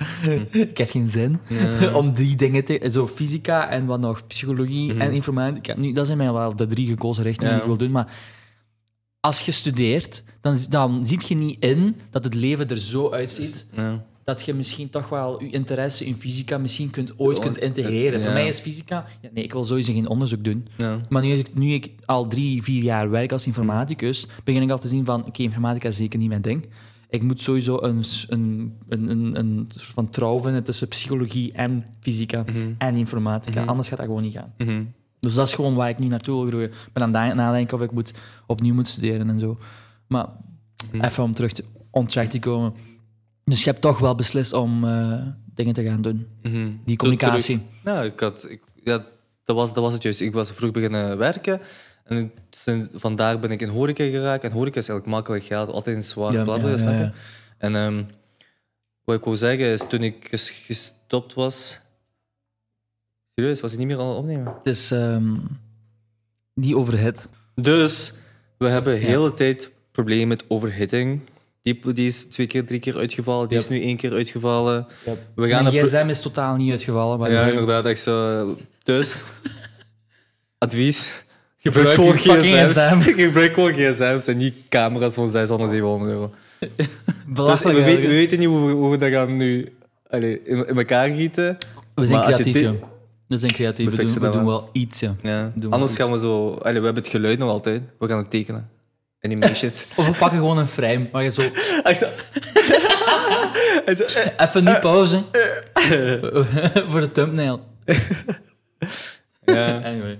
Dus je hustelde als vaak. van Als dat, eh, 15. ik verkocht shit op, uh, ik kocht dingen aan via AliExpress, eBay, ik verkocht eBay, zelfs een kleine start-up gehad wanneer je zo Android-boxes verkocht aan um, uh, een korte campus, een bedrijf. Zo. Anyway, maar ik werkte ook altijd in de horeca.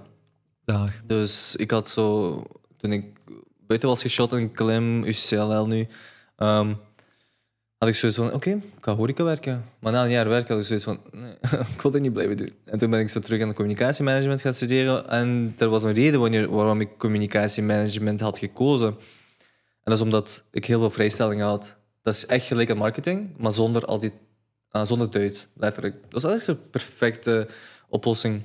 Juist. Ehm, ja, Ja, juist, want voor de marketing, ehm, zij bereiden u voor tot de journalist in België zeker. Dus je moet ook Duits kunnen zeker, of zoiets retarded. Ja, gewoon Duitsland algemeen is een heel commercieel. eh, snap je? Frankfurt is echt economische hoofdstad van, Be- van, eh, Europa. van Europa. Ja. Hmm, ja, dus eh, door Duits te kennen eh, is heel belangrijk eigenlijk. Ik, ik, ik, ik sta nu pas stil eigenlijk van hoe... Als, als vroeger marketing is totaal anders dan nu marketing. Nu marketing is van wat houd je van en doe dat. Ja. En vroeger was marketing van wat willen anderen en speel daarop in. En, Ja. en dat is een heel moeilijke job, want je moet echt constant variëren en Ja. zo. Wat je ook het voordeel dat ik heb gehad, de marketing wat ik heb Klim studeerde, in, en ik snap ik Klim, eh, PXL, communicatiemanagement, marketing, die tussentijd was social media opeens. Dus ik, toen ik hier communicatiemanagement begon te studeren, was opeens andere marketingtechnieken, was opeens digital marketing. Ik heb er nooit van gehoord in de, in de UCLL. Juist. Snap je zo? Dat was, ook, dat was ook wel goed. Dat ik zo opeens De- studeren. nieuwe dingen de nieuwe? En je kreeg zo opeens een eh, update van, ah oké, het like, Ja. ecosysteem is veranderd een beetje, de marketing is veranderd. Hier zijn nieuwe dingen. En dat was wel op, op zich wel goed. En ik had ook zo die specialisatie gekozen in digital marketing. Dus ik noem mij vandaag digital marketer. Obviously. ja. Obviously. En, maar, eh, dus dat was smooth, dat was smooth gegaan zeker, hè? Dat was vrij smooth gegaan, ja. Ah, Oké. Dat is eh, goed om te horen. ja. Waarschijnlijk ook waarschijnlijk wat, wat gefeest en zo hier en daar. Maar op zich in Ja. drie jaar afgerond. Ja. Zalig. Hm. Heel goed. En in die tijd iets fataal gebeurd? Of heb je misschien je vrouw ontmoet in die periode? Of, of, Nee, we eh, mijn ex-vrouw, uh, Madina, kende ik al tien jaar. Ik kende die al heel lang, sinds middelbaar. Ah, echt? Ja, ja, we kennen elkaar Eh, allee, toen ik naar middelbaar ging, we kwamen altijd samen op Dussar en zo. Allee, we praten en zo. En dat was nooit serieuze, dat was nooit serieuze dingen. Uh, allee, dat was niet echt een relatie, dat was gewoon vriend, vriendschap. Maar uw vraag van, was er iets leuk gebeurd tijdens, tijdens communicatiemanagement, is, het antwoord is ja. Toen heb ik mijn passie uh, van cryptocurrency zo ontwikkeld. Want toen wanneer, heb, wanneer was het dan? Een jaar? Een, een, nee, een toen, toen had ik mijn start-up. Uh, Had je een start-up? ik had een start-up. Ik had uh, ik een kameraad van mij, Thomas, en Mark Spit, if you're watching, respect, think about you. Um, Thomas komt trouwens de derde. Thomas is een heel interessante dude. Um, hij komt ons vergezellen, uh, de derde. Heel, heel vertellen over zijn eigen... Anyway, Friesel, Friesel was een marktplaats. Dus het was een app op Android. was een marktplaats. En een marktplaats is... Wij verkochten niks. We maakten gewoon een platform waar, die, waar er users met elkaar konden ruilen. En het ruilen was niet met euro's of dollars, mm -hmm. maar met Friesels. Dus we hadden een eigen munt, digitale munt ontwikkeld. Dat is, je registreert je gewoon, je krijgt 20 Friesels. En je ziet gewoon algemeen al een lijst van videogames. Dus ah, het was een uh, markt, ruil, ruilplatform voor videogames. Um, snap je? Dus ik had al, toen al zo... En ik kende niks van blockchain. Ik kende niks van bitcoin. Ik kende niks van crypto. Maar dat, was, dat, dat, dat zat gewoon zo in mijn brein van... Waarom kan je niet een ecosysteem creëren dat, dat werkt... Digitaal. Digitaal. Dat werkt gewoon met zijn eigen, eigen valuta. Want allez, hoe, hoe ik daarop kwam, is gewoon door videogames. Want... Ja, je hebt altijd goal en zo hè, in videogames en zo, die, je, die je mindt. Of, of... We kunnen ongelooflijk veel leren van videogames. Ik weet dat dat zo taboe is. En voor heel veel ouders is dat zo... Is dat zo, oh, mijn kind is videogames aan het spelen, maar stop. Stop, stop Video, daar. Videogames zegt iets over ons. Onze, ons. Videogames zijn beter dan deze wereld. That, that's what we're playing, that shit, man. Shots fired. brr, brr. maar sowieso waar, jong. Dat is gewoon. En videogames kunnen wij zoveel uit leren, want we zijn letterlijk ecosysteem aan het creëren met eigen governance, met Ja, eigen rules. En we doen het op zo'n creatieve manier dat we dat niet durven. Daarom maken we games, omdat we dat niet durven in deze, in deze wereld te doen. Ja, ja, ja. Dat is gewoon moeilijk. Het is gewoon moeilijk om dat in deze wereld te doen. Laten we een virtuele wereld creëren. Laten we 100%. daarin proberen. Laten we, 100%. laten we users dat uitproberen, kijken wat ze zeggen. En hoeveel succesvolle games zijn er? Hoeveel, hoeveel ecosystemen hebben we niet gecreëerd met een eigen, met eigen munt Ja, en een eigen regels, hè. Eigen regels. Want dat zijn echt zo, die, die spelen in op, op, op wat wij natuurlijk vinden in deze wereld. En die Mhm. maken daar nog eens een vernauwing van. En er zijn mensen op dit moment die 10 miljard euro naar huis halen als Mhm. ze gewoon de juiste combinatie van vijf teams hebben, van vijf personen hebben die vechten tegen een andere combinatie van vijf teams. Dota 2, CSGO, Mhm. Voilà. fucking... World of Warcraft. Zelfs, ja, ja, al, StarCraft 2. Ja. ehm, wat, tegenwoordig heb je ook Apex en, Mhm. en die Rainbow Six en zo. Al die competitive e-sports Mhm. games. Dude, dat, is, dat is gewoon... Dat zijn lichtconfiguraties. Dat is gewoon configuratie van licht, hè, die nu in de camera valt. Ja. Een speciale configuratie van licht.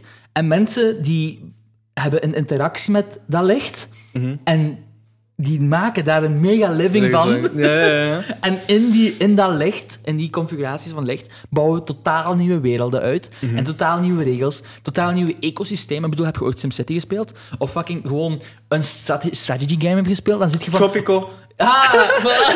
Dus je hebt zo van, oh joh, er, zijn, er is population en afval en elektriciteit. En dat, dat, en je moet dat managen. Maar dit, in het eigen is nog hetzelfde, hè? Dit- dit- inderdaad. Dat is hetzelfde. Wij simuleren het leven in, in, in een virtuele wereld. Dus je kunt in principe voorspellen hoe, het, hoe de wereld gaat uitzien, gewoon om in een game eigenlijk te Exactly. doen. En Dus je hebt die intuïtie gekregen van Ja, games eigenlijk. ja, hè? ja, Je hebt inderdaad. games gespeeld, je hebt zoiets van, fuck, als ik naar die shop ga, dan betaal ik met 2 euro hier, maar met, ja, met mijn wallet daar. Ja, Zo.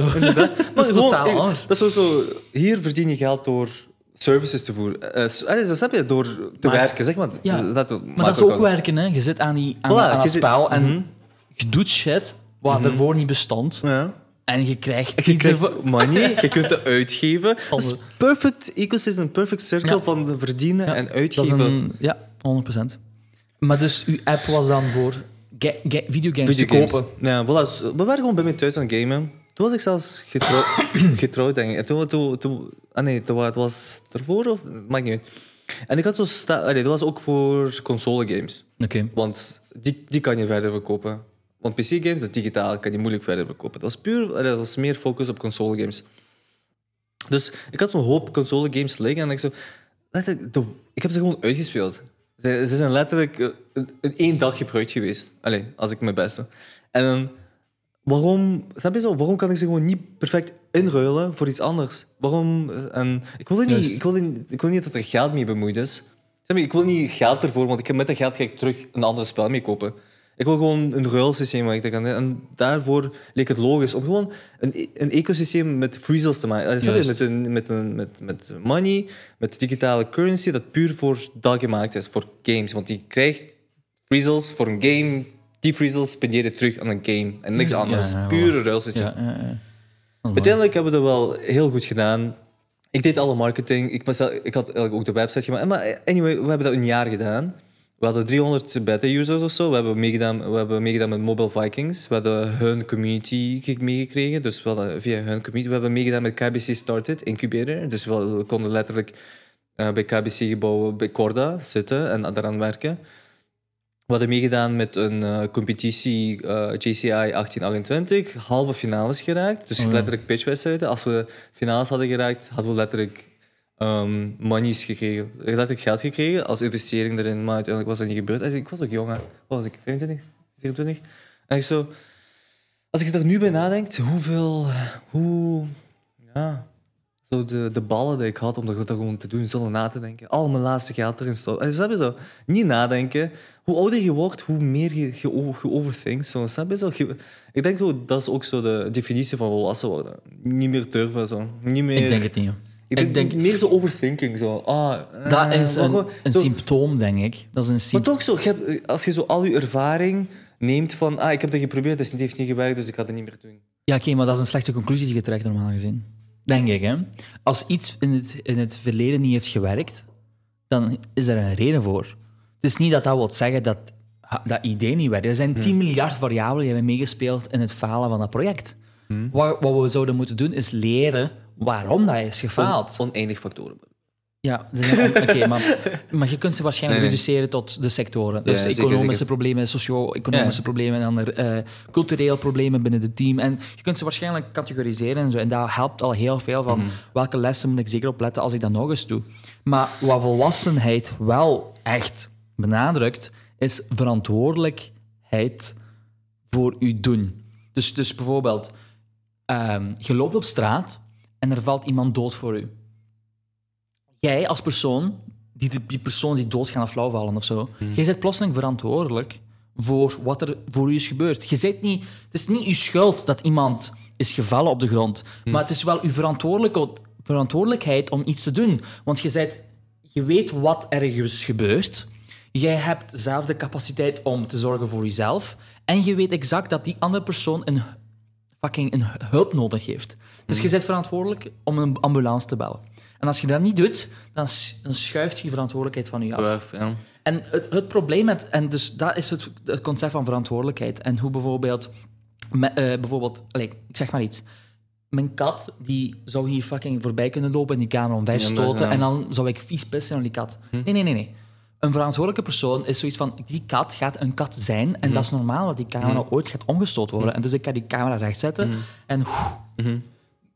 Het probleem met, met de wereld is dat heel veel mensen nog altijd niet volwassen zijn. En ik, ben nog, ik ben nog altijd fucking in het volwassenheidsproces. Maar wij als mensen zijn helemaal niet volwassen niet meer, omdat wij constant proberen de schuld af te schuiven naar andere mensen. De, de België komt tegen nu aan zoals ze is. En wij zeggen, België is niet goed. Politiek moet veranderen. Mijn werk moet veranderen. Mijn auto sukt, want ik wil een dikkere auto met meer CO2-uitstoot. Snap je? We, komen aan in de wereld en we zijn niet verantwoordelijkheid voor ons eigen bestaan in de wereld. Het probleem is wel dat uiteindelijk, omdat wij een heel veel een heel hoop bagage meenemen van we allemaal verdienen, en, allee, meemaken en ja, verdienen of juist feilen en zo, dat we dan in onze verantwoordelijkheid voor een kind, als we dan een kind hebben, of een verantwoordelijkheid als je een huis moet afbetalen of een appartement die je aangekocht hebt of zo, dat je dan plotseling minder risico's neemt, omdat je uitgaat van Uit de- voorbije eh, zaken. En je maakt je zorgen wat andere mensen gaan doen, eh, gaan zeggen van u, en je wilt niet per se terug een stap naar achter nemen. Bijvoorbeeld, je koopt een dikke huis aan En als je nu bijvoorbeeld wilt beginnen als massagist, ja, je gaat nooit zoveel verdienen. Je gaat de 1 tiende verdienen wat je dan verdient in je high corporate job. Dus ook al zou je graag een massagist worden, je gaat dat nooit doen, omdat je gewoon zoveel geld verdient en je wilt niet die stap terugzetten. Snap je? Dus ook al zet je volwassen, je bent niet verantwoordelijk voor je eigen, wat je eigenlijk wilt. En dat is, zeg maar, allee, Kitty. en voilà, over de kat Eh, gesproken, nee, nee, nee. Is, die, is die kat hier plotseling. En dus. Maar om, om gewoon even af te ronden en, en verder te gaan. ehm, Jordan Peterson en andere, allee, Gary Vee. Ja, maar, je, maar je kunt verder gaan, hè, zoals allee, Peter Waltz. En die, er zijn heel veel van die psychologen, filosofen die praten over het concept van mensen en ja, volwassene mensen die constant, gelijk een kind eigenlijk leven, die kan je niet weten wat ze willen. Die kan dat constant andere mensen blijmen. En ze doen gewoon hun default job, omdat zij dat gewoon ja. meegekregen hebben met hun toevallige Ja. bestaan in die school, met die vrienden. Dus die vrienden hebben gezegd, ga dat studeren en zo verder. En eh, plotseling heb ik iemand... Nee, het is perfect opnemen. Dus ja, dus dat, dat is gewoon... ehm, dus dat concept. Maar, dus dus jij jij bracht dat aan in de vorm van... Je was 25 jaar en je was puur YOLO. En je, je, je, je dus had 1000 euro verdiend en je stak die 1000 euro erin bijvoorbeeld. Ehm, en, dat- en, dan, ja. en als je dat nu vergelijkt met nu, Hm. dan zit je niet meer zo. Mm. Of, of hoe moet ik dat dan zien? Ik ben, ja, ik ben, ik heb geleerd, overthinking is echt zo'n probleem geworden. En dat, dat is gewoon, ik Maar denk dat, dat kan je- goed zijn, hè? Maar dat kan goed zijn, ja, maar ik denk dat je daar ook een balans in moet zoeken. Dat je zo, want toch, ik, ik wil toch, Kitty! De kitty is here. ja, alsjeblieft vang die vlieg. Eh, oh, breng die in beeld. There it is, kitty, kitty. Hoor je bij zo. dat is onze gast. Die zat daar op de koelkast. Eh, en is gone. Nee, algemeen, ik denk, ja, gewoon overthinking heb ik zoiets van. Maar ik denk dat algemeen ook mee te maken heeft met wat ik wil. Ik zit zo in een eternal struggle over, ik wil de mensheid veranderen en ik wil chillen. Niet echt chillen, chillen, maar ik wil I gewoon... understand you. Snap je wat ik bedoel? Ik I understand Soms, soms denk ik zo van, is, is het de moeite waard? Je, wil, je wilt nooit een probleem, gelijk we hebben erover gepraat, je wilt nooit een probleem oplossen. Je wilt nooit een mensen helpen die niet geholpen willen worden. We hebben erover gepraat. Hè? En soms ga ik, en ik zie de problemen en ik zie de problemen ook bij mensen. En soms denk ik zo van, maar wilt je eigenlijk dat je geholpen wordt? Want jij, you're not acting like you want it. Snap je? Waar. Dus je kunt, je, kunt een, je kunt een eigen currency... Mijn droom, mijn grootste droom is een governance, een crypto, governance creëren voor een community met eigen regels. En gewoon laten zien dat ik misschien beter kan. Dat ik betere rules kan maken. Dat ik een betere community, gezondere community kan laten bouwen. En dat kan zijn... Ja. En dat kan zijn gelijk voor mij nu op dit moment, het meest realistische, is voor Tsjetsjenië. Tsjetsjenië struggelt heel, heel hard op dit moment. Snap je?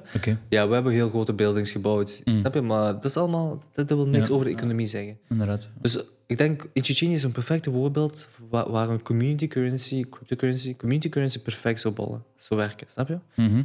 En dat is iets wat ik heel in mijn achterhoofd, heel op mijn gemak aan het bestuderen ben, een eh, team aan het verzamelen. Dat is mijn einddoel in het leven. Dat is perfect. Snap je? Ik wil geen currency, en ik denk ook dat het niet nooit gaat werken. Ik wil, een currency voor de hele wereld gaat nooit werken. Ik geloof, op dat vlak ben ik heel anarchistisch. Eh, Want anarchisten... En anarchisten is niet, ah, je doet wat de fuck je wilt. Gelijk, in de- Nee. snap je? Dat is puur Hollywood things, gelijk cowboys. Snap je? Als je, als je nu naar, naar eh, Texas gaat en een cowboy ziet, ga je denken... eh, dat is niet de cowboy die ik had verwacht. Snap je? Eh, ik- Dat is gewoon wat ik zeg. Hè? Dat is gewoon heel, allemaal heel geromantiseerd en Juist, films. juist. Of de juiste tegenovergestelde. Een anarchist is toch een, volgens Anarchist- mijn definitie, hè? Zien of dat klopt ook met uw definitie. Een anarchist volgens mij is iemand die het systeem bekijkt en de gaten in vindt. En zoiets van, dat kan beter, dat kan beter, of Ja. dat kan anders. En de, de, de. Onder andere, eh, anarchisten zeggen ze ook, het is beter dat we in kleine communities leven en dat we eigen regels maken in kleine communities. Oké, maar dat, is een, dat is een anarchist ten opzichte van centralisatie. De, tegenover cent- eh, centralisatie. Dus jij... Centralisatie? Als, als, eh, op dit moment hebben we een gecentraliseerd systeem. Het geld zit aan de macht in zeg maar vijf of zes bestuurders in Ja. Europa. Zij hebben de centrale bank en zij distribueren op basis van de EU-wet hoe, waar het geld naartoe stroomt en hoe de- het geld dan terug opgevangen wordt met ja. ofwel belastingen ofwel gewoon algemeen re- eh, allee, re- regulation. Ja, hè. ja. Dus, dus van, jij mocht zoveel vissen, jij mocht zoveel verdienen als Mhm. IT'er eh, a- en als bouw- bouwvakker zoveel, zoveel Mhm. graan mag er of moet er geproduceerd worden. De rest moet je verbranden. Maar by the way, dat is zot, hè, in. EU. Dus bijvoorbeeld, je hebt... Uw, uw maisveld heeft zoveel mais geproduceerd, maar je mocht maar 600 kilo, maar geen 1000 Mhm. Ja. bijvo- bijvoorbeeld. Dus die 400 kilo, in plaats van te versturen naar Afrika, moet je die verbranden. Verbranden. En Dat jij als anarchist zegt iets van, what the ik- fuck? Iedereen doet what the fuck je wilt, maar je doet dat in zo'n community... Waar dat wel werkt. Sustaining is. Sustaining. Ja, ja, ja. Ik geloof niet in globalisatie. Dat is, dat is het beginning... Alles wat te groot wordt, stort terug in. Dat is gewoon Wij zijn is. gewoon gemaakt in kleine communities te, wonen. Gewoon. En dan heb ik zelfs niet over België, want dat Biologisch. is al te groot. Heb- Biologisch. ja, letterlijk. Like, provincies zelf, snap je? En je, je- het, is mak, het is makkelijker om als communities met elkaar te leren leven dan iedereen op... op snap je? Is ook er zijn zo. 7 miljard mensen. Je hebt nooit 7 miljard mensen met elkaar laten kunnen leven, want we hebben te veel verschillen. En Maar je moet het niet zel- zelfs niet zo ver gaan zoeken. Ja. Ga op straat, probeer vrienden te worden met tien mensen, de eerste men- tien mensen die je tegenkomt. Good luck. luck, ik ja. bedoel, what the fuck, je gaat waarschijnlijk geen topping Ja, kunnen inderdaad, vinden, omdat die zo Ik anders moet denken. doorgaan. Hey mama, eh, ja, ik kom. Ja, doe, doe, doe, doe. Ik ben een loodgieter, what the fuck. Ik heb al voor, voor komende twee jaar loodgieter shit. Oké, goed, maar ik wil wel praten over blockchain en nieuwe innovatieve dingen. Dude, ik begrijp niet wat je zegt. Wat is Welke blockchain? blokken, blokken? man? Hoe zit het op de blok dingen? Ja, ja, maar langs de andere kant heb je dan al mensen die zo constant bezig zijn met nog higher tech shit, hè, zoals Tesla-batterijen fucking Mm. verbeteren en een oplaadsnelheid. En ik zo van, dude, dude, dat boeit me niet. Kom, we gaan iets voor de mensen doen. En dat is van, goed, wow, mensen, Tesla is de shit.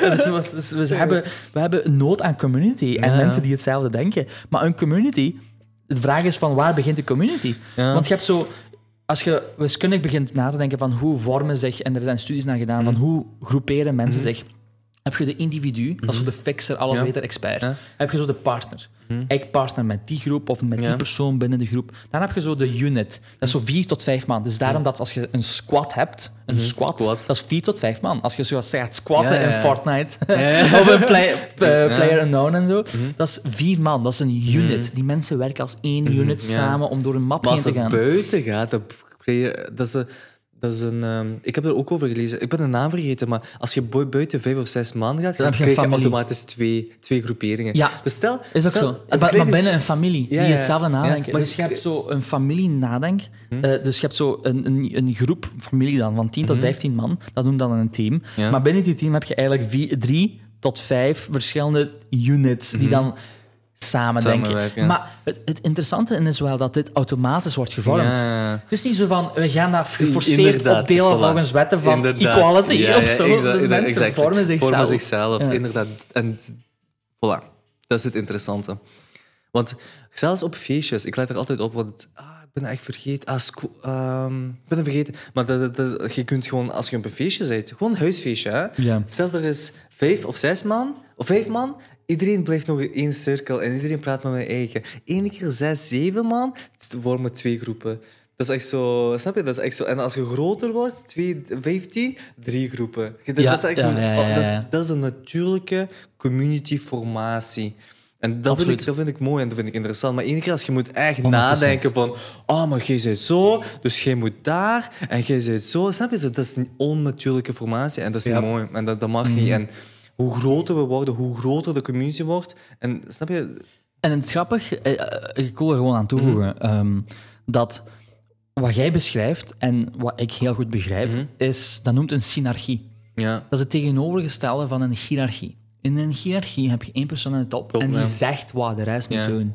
En die zegt dan niet per se wat de rest, maar dat zijpelt gewoon door Ja, ja, naar beneden, naar door beneden, de- naar beneden. En inderdaad, whatever. Je kunt teams hebben en je kunt zeggen, ja, dit is een community, maar bullshit. Mhm. Dat is trouwens met Je moet corporatism altijd- Je moet al, ja, begonnen. voilà. Dat is met corporatism begonnen. altijd via een bovenweg of iemand die Mhm. eh, zegt van ja, oké, we gaan het budget losmaken, dat het budget één keer loskomt. Tegenovergesteld daarvan is een synarchie, een platte structuur, Mhm. structuur. waar mensen langs elkaar leven, langs als biologische mensen die ze zijn. En zij vinden elkaar op basis van een functie of nut. En dat is wat Gary Vee dan zou noemen eh, inderdaad. ehm, Gary noemt het dan hurt, eh, eh, hurt mar- hard marketing. Hè? Dus eh, marketing op basis van liefde, en appreciatie. En gewoon van, yo, Margot, ik ga naar u, omdat ik fucking u ken. Mhm.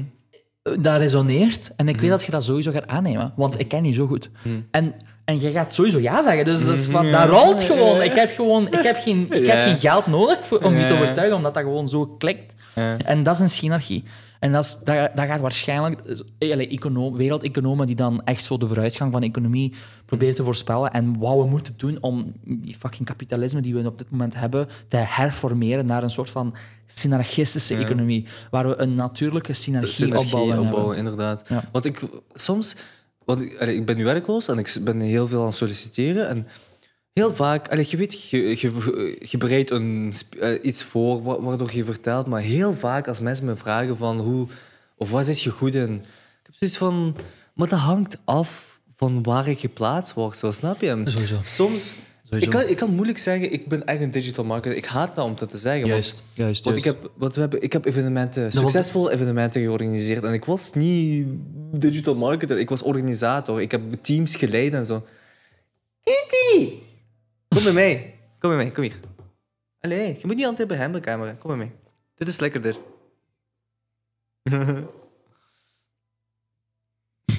Laat je gewoon. Maar, maar dat is wat ik bedoel. Dus ik, ik, heb, ik heb ook liever dat we zo... Dat mensen gewoon hun weg vinden in een bedrijf. Ik, ik, als ik iemand interview en ik, ik stel die gewoon slimme vragen. Gelijk wij interviewen en ik merk gewoon... Ah, oké. hij zal zijn weg in mijn bedrijf vinden. Zo, snap je? Ja, je moet sowieso een expertise, ergens zo een neiging... Zo ergens een, een direction in je leven he- eh, allee, hebben. Snap je zo? Juist. Je hebt een direction, maar dat wil niet zeggen dat je echt aangenomen wordt als social media manager. Ja, Want ja. in mijn vorige functie, letterlijk, de, de eh, onze lead developer, die zei tegen mij... Ik was lead, eh, lead community manager. Zij zegt, je zit zoveel meer dan een community manager. Want bij elke vergadering, ik, ik zei gewoon dingen wat we moesten eh, kunnen verbeteren aan onze app. Snap je zo? Ik, ik gaf zo...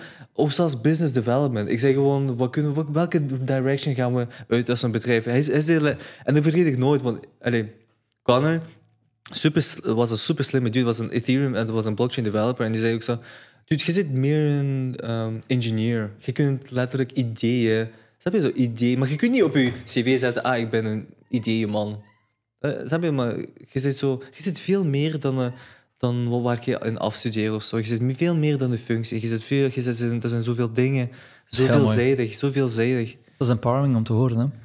Dat is, eh, als je dat hoort, is van... Mhm. Wow, die intuïtie die ik al had toen ik zes jaar oud was. Inderdaad. fucking- En dat is eindelijk bevestigd door iemand wat je, wat je ook... Dat is ook zoiets... Dat is ook zoiets... Je neemt, eh, je neemt advies ook liever... Oei, wacht. Is hij nog bezig? Ja, ja, die is Ja, al, die is al eh, anderhalf uur bezig. Je neemt ook liever advies van iemand die je respecteert. Snap je hoe ik bedoel? Ik, als iemand wa- waarvan ik denk van... ah, I don't care about you. En die zegt zo, ah, je zegt dit of dat. Heb ik zoiets van... Of, of slechte feedback. Dan neem ik dan iemand waar je naar opkijkt. En dat vergeet ik ook nooit. De dag dat mijn zelfzekerheid begon terug te keren, was in de klas, wanneer de leerkracht digital marketing voor de hele klas naar mij wees en zei, ik weet niet hoe hij heet, maar ik weet dat hij super slim is, omdat hij slimme antwoorden geeft. Snap je wat ik bedoel? En ik zat zo in de klas, iedereen zo naar mij kijken. Ik zei zo, I don't know what I did, snap je? Maar toch, dat was zo'n moment van... Hij weet niet eens hoe ik heet. Allee, maar ik, in de klas, dat was zo twee, drie... Maar die weet wat ik doe. Snap je? Zo twee, Maar hij, hij weet al wie ik ben. En dat was zoiets van, wow. En toen, begon, Oh, begonnen andere mensen ook zo tegen me te zeggen van... Oh, mensen praten wel goed over u, dit en dat. Snap je? Dat was zo het begin van zelfzekerheid. Al weet je dat... bij, allee, al, al heb je dat gevoel bij je eigen, dat begint nooit te manifesteren, tenzij je dat van de community hoort. En op dat, op dat moment, mijn community was mijn school natuurlijk. Snap je? Je gaat naar school, dat zijn nu mensen waar je bij wilt horen. En opeens, dat was zo ook zo een, een van de laatste jaren toen ik afstudeerde. En dat was zo, snap je, dat was zo het moment wanneer, wanneer ik dacht, oké, ik ben misschien niet dom. Misschien ben ik wel slim. Snap je? Dat was het moment wanneer ik zo empowered werd. En dat was echt wel mooi. hoor. En Zalig. Dieter van Ash, I never forget. en, en Dieter van Ash, inderdaad. Toen ik afstudeerde, want ik ging soms met hem ook samen lunchen. Dat was zo'n moment wanneer we zo samen... Allee, eh, die, die, had- die wou mij ook stage fixen. Uiteindelijk heb ik andere stage gedaan. Maar hij zei ook tegen mij... je kunt echt niet stoppen met praten over je currency, snap je zo? Maar hij is ook de enige die tegen me zei, blijf te achtervolgen. Want dat is echt je ding. Ik heb nu kippenvel. Snap je zo? Ik heb letterlijk, je ziet dat. ja, ja, ja, ja, ja. En ik heb, ik heb kippenvel puur omdat hij, heeft me ook ge- gepusht. En na afstuderen ben ik ook cryptocurrency Is gaan zo, volgen. is dat zo je indicator van. I'm, I'm doing it Ja, good? ja, Gary heeft ook. ja. ik, heb, ik heb kippenvel, zo muziek met alles, al wat met thuis. ja, ja. En ehm, dat was echt wel mooi. Die heeft, dat is ook de enige persoon die echt zo... Maar hij was ook waar, degene die, waar ik naar opkeek. Hè? Snap Ja. je? Hij, gaf, hij, hij gaf ook de, het laatste specialisatie digital marketing. En hij zei ook zo op het laatste van... Ik zie gewoon dat currencies uw ding is. Er is no way dat jij ermee fout kunt gaan. Snap je? Zo, dat is echt uw ding. Ja, ja. Al is digital currencies niks op dit moment, uiteindelijk vind je het er weg in en uiteindelijk gaat je ermee geld verdienen. En dat heb ik gewoon gedaan en eh, tot nu toe, it's been working great for me. Super veel respect en dank u voor Dieter van Esch. Echt. Boom. Ja, joh. Zalig. Dus eh, dat was er waarschijnlijk ergens gebeurd tussen 2006 Mm.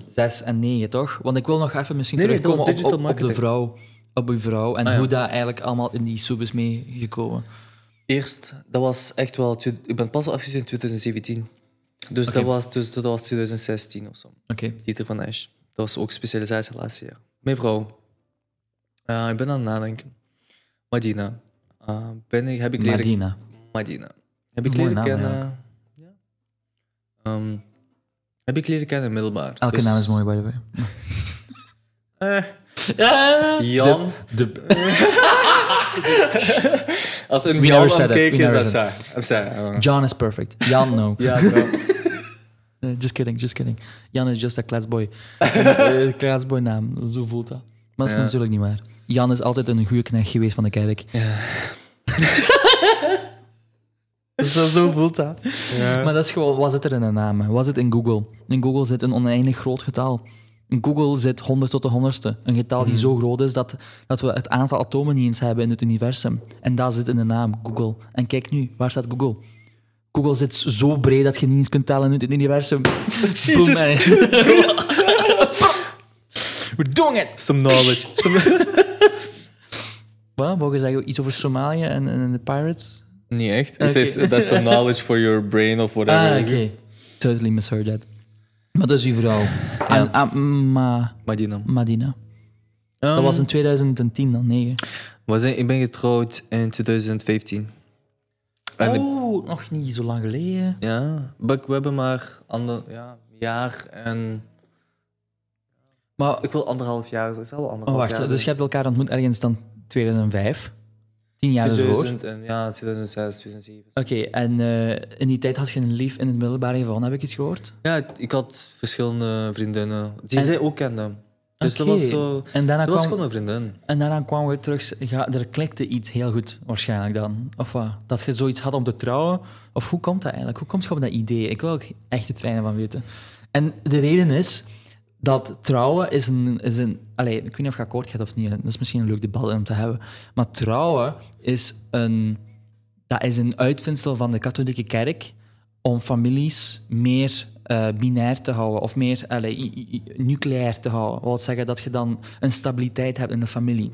Want dan gaan de ouders, mama en papa, langer samen blijven. Dus dat was de kerk hun Dat uitvindsel. was een social pressure, beetje, om samen te blijven. Dat bedoel je? Ja, i- ja dat was een social pressure om te, om te huwen. Dat- Sowieso in Bosnië en, en in Rusland en in eh Tsjetsjenië en, en al die fucking eh, landen die van Oostblok zijn, die hebben sowieso een soort van, ja, je moet sowieso trouwen. Hè? Mhm. Ik bedoel, je trouwen is de basis. Ik bedoel, ik hoor dat van constant met mijn familie. En wanneer gaat je trouwen met je vriendin? We zijn al zo, we kennen elkaar al zo 12 jaar en we zijn nu al 4,5 jaar samen, on en off. Allee, in de 12 jaar en zo. En die zo, dude, je kent elkaar 12 jaar, dan moet je al lang getrouwd zijn. En, wij zo, en ik heb zoiets van, dude, trouwen, dat is een sociaal, dat is een, eh, dat is een legaal contract op emoties. Dat is een legaal contract op biologische uitingen. The fuck, is gek of zo? Dat is juist of je een, een, een, een uitgevonden contract zou plaatsen op eh, hoe fucking... Of dat er geen komeet gaat vallen op aarde. Zodat, eh, Je weet nooit wat er gaat gebeuren. Hè? Je weet nooit wat, wie je gaat tegenkomen. Ja. Je, je weet nooit wat, wat er allemaal gaat gebeuren. Mhm. Dus, dus Ik weet niet hoe jij daar tegenover staat, maar zit je dan gepressured geweest in die huwelijk? Of was het zo van, it feels good to do this? Of Mm, ik wil wel weten. Of je horen. Eh, Of als je het wil delen. ja. Misschien moet het dit kutten. Nee, nee, nee. nee, het is oké. Uh, het is niet mijn favoriete onderwerp. Topic sowieso niet. Maar misschien kun je ik één keer zeggen, ja, ja, nee, nee, oké. Nee, ik denk wel... Denk, allee, uiteindelijk moest het twee, drie jaar geleden zijn, zou ik zo ongemakkelijk Zo. Maar nu ben ik zo allee, akkoord ermee gegaan, is wel fijn, right? Ehm, Nee, drie jaar geleden was het ook al twee jaar geleden. Hè? wat? Drie jaar geleden was het dan nog al... Drie jaar geleden was het heel dicht bij, Bij- de scheidingen. ja. Ja. Maar uiteindelijk, ehm, hoe dat was gebeurd is, ik denk uiteindelijk de halen, grootste factor ehm, was. Cola. Eh, grootste factor voor te trouwen. Ah, jezus, hoe moet ik dat vertellen? Ja? Ik weet niet waar ik moet beginnen. Want dat was een, dat was een eh, beslissing dat ik heb genomen wat te maken, wat beïnvloed was door verschillende factoren. De grootste factor is natuurlijk ouders. Want je moet ook begrijpen, hè. Je zegt, gelijk ik heb gezegd, ik heb heel veel vriendinnen gehad. Uh, Belgische, whatever. Niet Tsjetsjens, dat zal het zo zeggen. En dat was nooit goed genoeg. Dus elke relatie dat ik voor Madina heb gehad, was nooit uitgesproken over geweest. Dat was nooit gedeeld. Ik mocht, snap je? Ik, mijn ouders wisten er niks van. En dat zijn, dat zijn relaties over jaren, hè. Snap je wat ik bedoel? Stel je voor dat je een relatie hebt met iemand en je praat er nooit over bij thuis. Dus dat wil zeggen, je mocht dat zelf niet. Zelfs niet. Elke keer als je naar je vriendin gaat, moet je liegen. Als je blijft slapen, dat gaat gewoon niet. Wordt gezegd, dan blijf je ook elkaar slapen. Ik, dan- ik had dat bij de wijn, maar dat is voor volgende ja? week. Oké, gaat dat ook. ik had echt... Ik, mocht niet, ik mocht geen seks hebben voor het huwelijk. Ja. En ik woonde bij mijn ouders. En zij zagen dat echt als fucking uw ziel verkopen aan de duivel. Hè. Dat is echt zo het ergste wat ik kan doen. Echt, je gaat voor altijd naar de hel. We gaan je nooit meer zien. Ik ga nooit meer van je kunnen houden. Dus dat was hun manier van denken over seks voor het huwelijk. Dus ik kan wel begrijpen, hoe dat, hoe Dat dat klikt. Ja. En nog wat het niet erger maakte, maar ik ben ook een relatiepersoon. Snap je? Mijn, zus- mijn moeder zei zo van, waarom blijf je altijd bij die meisjes hangen? Echt? keer en gaat er van weg. Snap je? Zo, Fuck bla, bla, heeft hij bla. daarover te bepalen? Maar, Maar, ja, maar uiteindelijk Ja, had ik zoiets van, ik kan het niet. Ik ben echt wel, snap je? Ik, ik, ik steek moeite in mijn relaties. Ja. En ik ben ook zo nooit relatie van één dag begonnen. Ik neem mijn tijd voor. Snap je zo? Ik, ik ben, ik ben iemand die mijn tijd neemt bij dingen. Mhm. Ik, ik wil dat het kwalitatief is. Ik wil stappen bij stap. Dat is ook de fout die ik heb gemaakt bij trouwen. Want dat is, dat is het enige waar ik dat niet heb gedaan. Want ik dacht van, ah, snap je zo?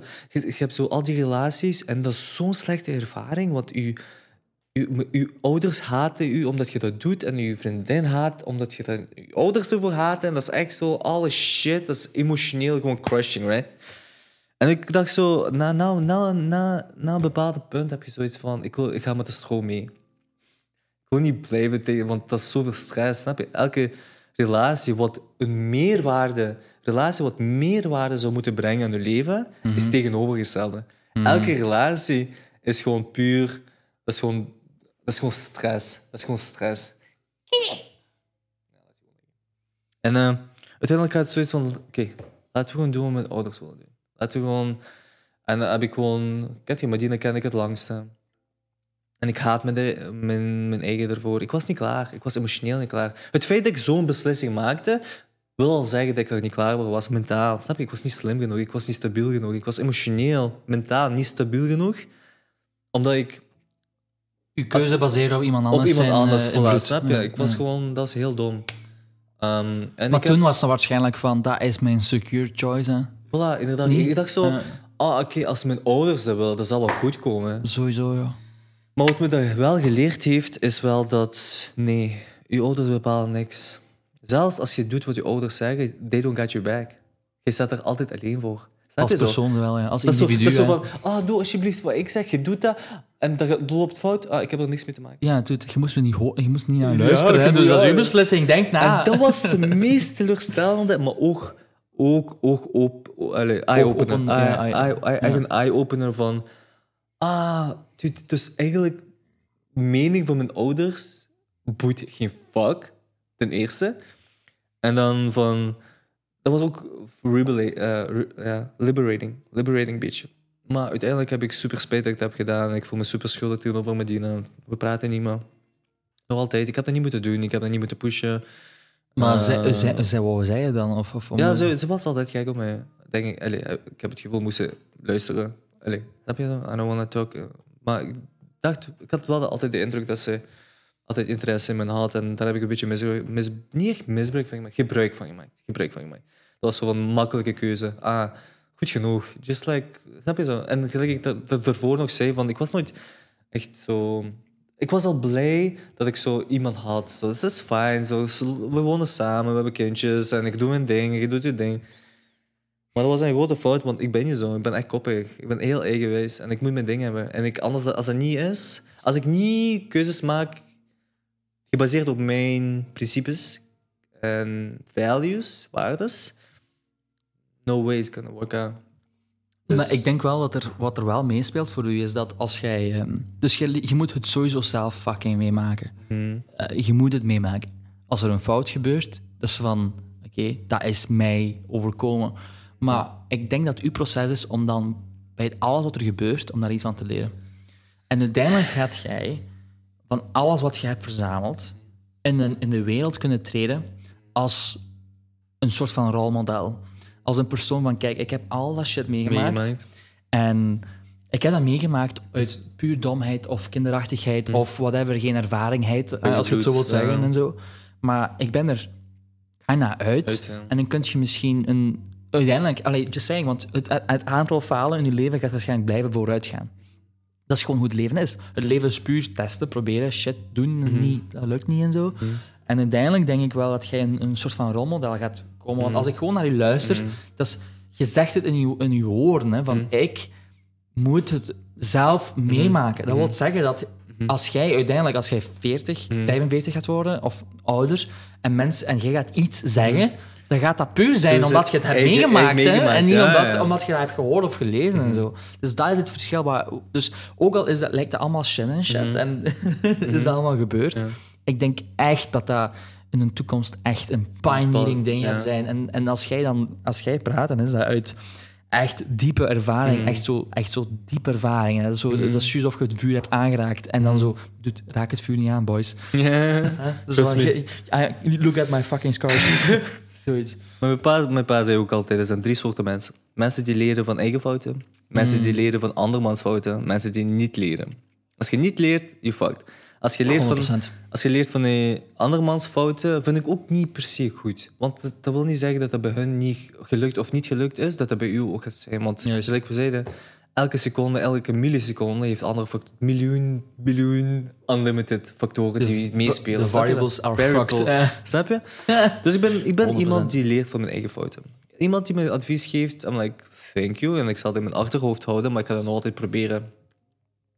En Te fixen en zo. En te fixen. En dat is gewoon, dat is gewoon riskant. Dat is gewoon riskant. Dat is riskant om zo'n leven te leiden. Because you're gonna bite the bullet somehow, snap je? En ehm, dat is gewoon bij mij gebeurd. ja. Ik heb gewoon...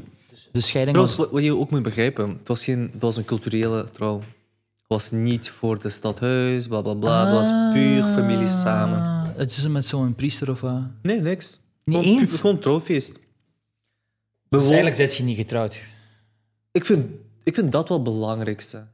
Dat is een emotionele... was een, dat dat was een familiale Dat was een ceremonie, dat was een trouwfeest, Ja. bla bla bla. En we dachten... Want het probleem is, om samen te wonen, moet je eerst trouwen. Dan moet je legaal getrouwd zijn. Hè? Legaal samenwonen of whatever the fuck. Dus je een contract overtekenen waar je je vastgoed deelt. nee, nee, dat bedoel ik niet. Ik bedoel meer, als ik en zij willen seks hebben of willen samenwonen, dat, dat, dat is wat wil zeggen. Ook geen seks voor de huwelijk bij ons, hè. Totaal on, ongehoord, hè.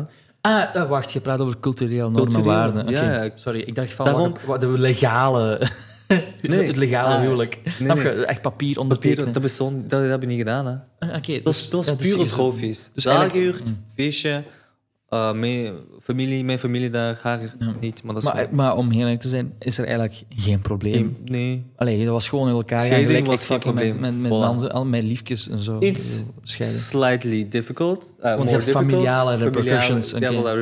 Het waren familiale repercussions, maar het is niet dat, dat we wettelijke eh, repercussions hadden. Oké, makes sense, makes sense. Dus op zich, op, maar Nog altijd een sukkie. eh, nee, inderdaad. Allee, dat was, Voor mij ging dat meer over o- emotionele waarden, snap je? Dat, is- daar gaat het om. Ik heb, ik heb een belofte gedaan tegenover hun ouders en mijn ouders. En dat is wat mij meer snap je, raakt. Nee, what the fuck vet. En Ja. government, dude, who gives a shit, gemeente. Ja, dat kan wel heel veel sukken als je zo de helft van je bezit moet uitgeven. Of je moet... Je, fucking, Ja, stel je zou een kind hebben of zo. En dan moet je die kind afstaan omdat dat legaal zo beslissen door een rechter. Dat kan echt 13 keer in je rug stabben. Ehm, maar... eh, maar ik dacht dat je legaal getrouwd was. Dat is wel daarom, ik ja, ik wou dat even... Oké. Maar ik zeg...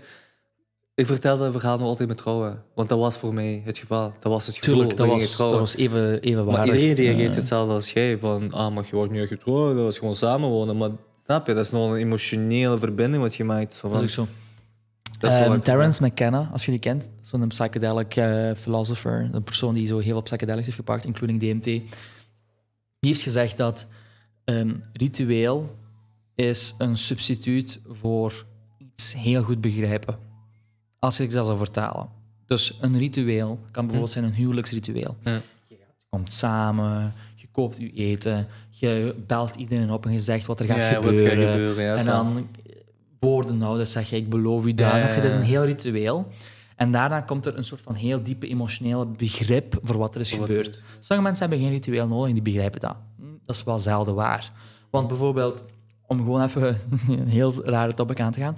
ehm, mensen drinken bier, maar ze beseffen niet wat een brouwproces eraan hangt. Ja. Als je zou beseffen hoe, ingewikkeld ja. een pintje bier te maken is, dan zou uw pint bier evenwaardig zijn als een duvel, die, allee, eh, of een hoogwaardige Belgisch bier of zo. Dus, dus het, hetzelfde, hetzelfde met dit eigenlijk. Hè? Dus uw huwelijk was, had echt een ritueel en zo. Mhm. En dat wil zeggen dat jij een heel diepe emotioneel begrip hebt, terwijl andere mensen een Mhm. Legale, financiële begrip hebben. ja, ja? Dat is het verschil. Inderdaad. Zo kun je, dat, zo kun je dat bekijken, denk ik. Mhm. Cool, ja. Of ja, niet cool, I guess. Ik weet niet. Ik Nee. denk dat je wel je les Nee, hebt. ge- Allee, inderdaad, je? voilà. Ik Zo, vind, eh, perspectief en zo. Ja, dat ik is, blijf ook niet aan hangen. Dat was, dat, is gewoon Ja, ja. een, dat was gewoon een stap die mij gevormd heeft waar ik nu ben. Which I'm happy about, joh. En ehm, weet je nog, je vroeg me zo, wat is zo, je, je doel, zo, wat wil je bereiken? Zo? Ja. Wat, zo, wat je beroemd worden, bla bla bla. ja, wat wil je bereiken? Ja, wat je bereiken. En vroeger was het bij mij, ik wil zo, snap je dat? I wanna, I'm top of the mountain, you know, en bekend zijn, bekend zijn, alle meisjes hebben, you know. En ehm, de laatste tijd is dat echt wel veranderd. Heel veel. Ik zie zo gewoon hoe graag mijn familie me heeft. Mijn neefje. Van, allee, zo, gewoon, nee, gewoon zo... Gewoon zo die... Nee, ik lach je niet uit. Ik, Ja. ik, ik, van, ik resoneer heel veel met Ja. wat je zegt. Maar dat is gewoon zo... Hoe graag, Ik begrijp het. Hoe, graag, hoe blij mijn neefje is als ik thuis kom. Als ik zelfs thuis kom. Oh, kom. PlayStation spelen, dit en dat. Ja, ja, ja. En dat is zo... Ik ben gisteren gewoon... Ik was zo Stranger Things, nieuw seizoen kijken. Gisteren. Juist. Echt zo opgesloten in mijn kamer. Daarvoor was ik even met hem PlayStation aan het spelen. Ik zeg zo, ah, ik heb even me-time nodig. Ik zeg, ik ga even kamer opgesloten. Die begreep dat natuurlijk niet, was hij de, de 14 jaar. Ik kon er buiten, oh, ik ga op PlayStation spelen. Ik had je zo elke keer zo... Al, niet als ik zo van buiten thuis kom. Gewoon als ik uit mijn kamer kom. Zo, en zo van, ah, ik het eindelijk hier. Zo. En het is niet dat het een kindje is. Dat is een, dat is een gast van 14, 15 jaar. En, ehm, en mijn zus zei ook... En ik, en ik zei zo grap eh, eh, in de keuken zo... Why am I responsible for your happiness, man? En mijn zus begint zich kapot te lachen, want ja, die vond het grappig. En die zei, kijk wat fans je hebt. En, en toen je dat zei, had ik zoiets van... Dat is echt wel leuk, hè. Dat is echt wel leuk om geapprecieerd te worden. En alles is familiaal. Want ene keer... Snap je, als je buiten familie zit, dan denk je over grote... Ah, ik wil daar bekend. Maar ene keer als je geapprecieerd wordt in een kleine community, je denkt niet meer aan anderen. Je denkt niet meer aan... Snap je, zo gewild worden door teenagers of whatever. Dan heb je zoiets van, "Ah, I like this. This is warm feeling. I, just want... Kijk, ik kan dit voor de rest van mijn leven ook doen. Mhm. En dus mijn, dus mijn, mijn focus in het leven is ge- geswitcht van... Ah, ik wil leven, eh, de wereld veranderen en daarmee bekend worden en bla bla bla. Is meer van... Ik wil misschien iemand anders zijn leven gewoon verbeteren, waardoor hij een grote fan is van mij en dat wij zo'n relatie kunnen opbouwen. En dat kan een kind zijn. En snap je dan? Dat, kan een, en dat is misschien waar ik, waar ik het meest eh, gelukkig zou mee zijn, een familie bouwen. Ik heb mijn familie, Maar ik denk dat jij niet zozeer een familie wilt bouwen, maar meer een community gebaseerd op wederzijdse liefde. Als je het zou willen echt wilt Maar dat kan een familie zijn. En dan heb ik Ja, niet- een heb biologische familie bedoel je? Ja, voilà, biologische. Ja, dat kan, dat kan perfect Het kan niet, dat moet niet alleen vrouw, ik. Hè. Absoluut, maar als jij dan praat over cryptocurrencies en je community building, Ja, dan, Dit, is, dan dit is next level. En dit is... Dit is dat next level. Dit is... Dit is... Ja, Ik dit denk is dat- best case scenario. Dit is best case scenario. Maar even goed zou zijn gewoon een familie hebben met je kinderen. Die super blij zijn dat je thuis bent. Dat je mee kunt knuffelen. Samen mee gamen. Snap je Absoluut. zo? Ja, Ik zou ja. gewoon samen plezier hebben. U, ehm, je zit... Eh, allee, de- ik heb nog geen kinderen en zo, hè. Ehm, maar ik heb wel mijn kat bijvoorbeeld. En ik weet het, dat is zo cliché en shit, hè. Hm. Maar ik voel me zo veel meer als persoon gewoon om een kat te hebben die graag van mij eten Hm. Vraagt. Ja, ja, inderdaad. zo van... Ik kan me, het is, dat is juist of ik in een andere dimensie ben gesprongen. Van, ik kan me niet herinneren hoe het was zonder een kat. Nu, Ik, kan dat ik- wel, oké, eerlijk, ik kan dat wel. Maar ik kan me niet inbeelden om dan nu terug naar te gaan. Dus van, ja. het is zoveel rijker. Ja. En dan zeker als je dan echt zo'n neef hebt en een ene kunt, of misschien drie, drie of zo. En een vrouw die je echt apprecieert. Mhm. Die biologische feedback die je daarvan krijgt, dat is Ja. Wat Inderdaad. heb je meer Inderdaad. nodig? Wat heb je, what the fuck heb je meer nodig? En dan, en dan liever zo iemand hebben die eh, genuine love heeft voor u, dan Exact. zo miljoenen die zo... Eh, en dan als je zo één klein ding verkeerd doet, en dan eh, zo van, ah nee, fuck hem, eh, ik, ik Ja, heb zo hem van, niet wie is op je gsm? Zo, inderdaad, zo, en die u vergeten, Ja. snap je zo? Dat is, zo, Sowieso. dat is gewoon allemaal... Dus, ja, ik wil niet... Ik ben ook blij dat ik zo niet populair ben geworden. of Zo, want, allee, ik ben heel dopamine-driven. Ik heb ook heel veel heel grote tijd gehad van drugsgebruik en bla bla bla. Dus ik besef gewoon zo, ik zou dood geweest zijn. Puur, stuut. Kan Mac. Miller, Mac Miller, super fan van geweest. Is gewoon gestorven door cocaine overdose. Ja, ja, ja. En Ja, elke tekst waar ik naar hem luister, heb ik zoiets van, dat kon even goed ik zijn. Want alles wat hij zegt, heb ik zoiets van, man, I really fucking feel you. Snap je zo? Die, heeft echt, die praat heel veel depre- eh, de- depression. Snap je zo? Die is super blij dat hij populair is, maar die voelt zich niet thuis. Snap je wat ik bedoel? En ik snap dat dat Juist. perfect. En ik ben gewoon blij Ja, ja. dat ik zo niet populair ben geraakt, want ik zou nooit blij zijn geweest stil. Want ik wil die close community hebben. Ik wil gewoon mensen die me knuffelen. Snap je zo? Ik wil die mensen voelen. Ik wil niet van ver likes hebben. Ik wil mensen voelen van... Ik wil mensen bij me thuis hebben. Nu, mijn zus is thuis en kinderen. Hoewel ik zo af en toe wegloop van hen, ik ben blij dat er iemand andere kamer is. Snap je gewoon? Dit, dit zijn kleine dingen. Zo, man. Ja, ja. Ik, ik, en, ja. It's crazy, man. Heel, heel interessant. Heel Life is strange. Sowieso. We zijn nu, by the way, op de twee uur mark. zijn twee uur, maar ik niet Eh, Een heel goed gesprek. Heel goed gesprek. Nog eens wat je wilt weten van Life hem? is fucking strange. En zeker hoe jij dat vertelt, dat is zo... ehm dat is juist alsof jij echt zo... Je geschiedenis van hoe je vroeger waart... ehm, helemaal hebt meegesleurd, maar ook geïntegreerd. Mm. Zo voelt dat wel. Dus ik ben wel blij dat, dat er geen echte... Allee, dat ik niet uit die mond hoor van... Ik weet echt niet wat ik wil doen of zo. Ah, ja. Want dan, dan wil er mensen iets zeggen dat er iets nog Mm. vastzit in het verleden of zo. Hmm. Zoals chic dat je door die periode bent heen geraakt. Je zit nu 30 zeker, hè? Hmm. Pas geworden. En hoe voelt dat? Nee. Whoever fucking, whoever fucking said, oh, als je 30 bent en you got your shit together, fuck you, ja. Iedereen. Whoever, who's- whoever said that. Want dat gaat zo vloeiend. Dat is zo... Ik voel me niet 30. Ik voel me nog wel Ja, je voelt die waarschijnlijk zo... Wat, heb nog 21 of zo? Ik heb nog altijd 22. evenveel imagination. Ik heb nog altijd creativiteit. En daar ben ik ook wel trots op. Ik heb me niet laten... Ik heb het leven, hoe moeilijk het ook was... Ik weet dat er zoveel mensen die het moeilijker als mij hebben. Sowieso. Maar toch, zo, de moeilijkheden die ik heb meegemaakt, dat hebben me niet gecrushed. Ik heb me altijd er bovenop gehouden. En ik, ben, en ik heb ook zo de, het indruk, zo, wij, wij zijn speciaal op een be- bepaalde manier. En wij worden niet door iedereen geapprecieerd. Op, op, allez, snap je zo? Dat is normaal, Dat hè? is biodiversiteit. Biodiversiteit. Maar Hoe wij zijn. Ik bedoel... allee, maar gewoon... Sorry. Allee, ik kan er echt uren over babbelen. voor Dus, maar, Ja, ja. maar, maar, But that's why you're here. And next time it's your turn. Ja. Ik kan niet wachten tot ik u kan... Want ik weet zoveel goede vragen dat ik u kan stellen. Echt? Ja, Ja, ik ben echt benieuwd, ja. En er gaan dingen zijn waar je niet aan voorbereidt. Daar ga je niet aan voorbereiden. dat je ik kunt wel voorbereiden hoeveel je wilt, maar er gaan vragen zijn waar je denkt... dat-. Hoe moet ik? Dat is, dat is gelijk je niet kunt voorbereiden op salvia. Exactly. Nooit gedaan wel. Nee, maar DMT is ook zo. Je kunt er ook niet op. Ja. Dus wat je daar ziet. pff, dude, als jij denkt dat je een atheïst bent en je gelooft niet in God, probeer... Ik ben niet atheïst. Wat? Ik ben niet atheïst. Nee, nee, maar als je een atheïst bent, en ik praat tegen de luisteraar, en je bent atheïst en je zegt zo'n God, dat kan Dat niet kan- bestaan. Ja, ja, oké, ik snap wat je wilt zeggen. Die ervaring gaat u doen twijfelen. Ja. Als het niet... Die gaat u doen twijfelen. Ook al gaat je niet zeggen van, oh, en nu geloof ik in God. Maar dan gaat je echt aan twijfelen. Ja. Wat je, wat je gaat meemaken. Wat je op dat moment meemaakt, dat is van...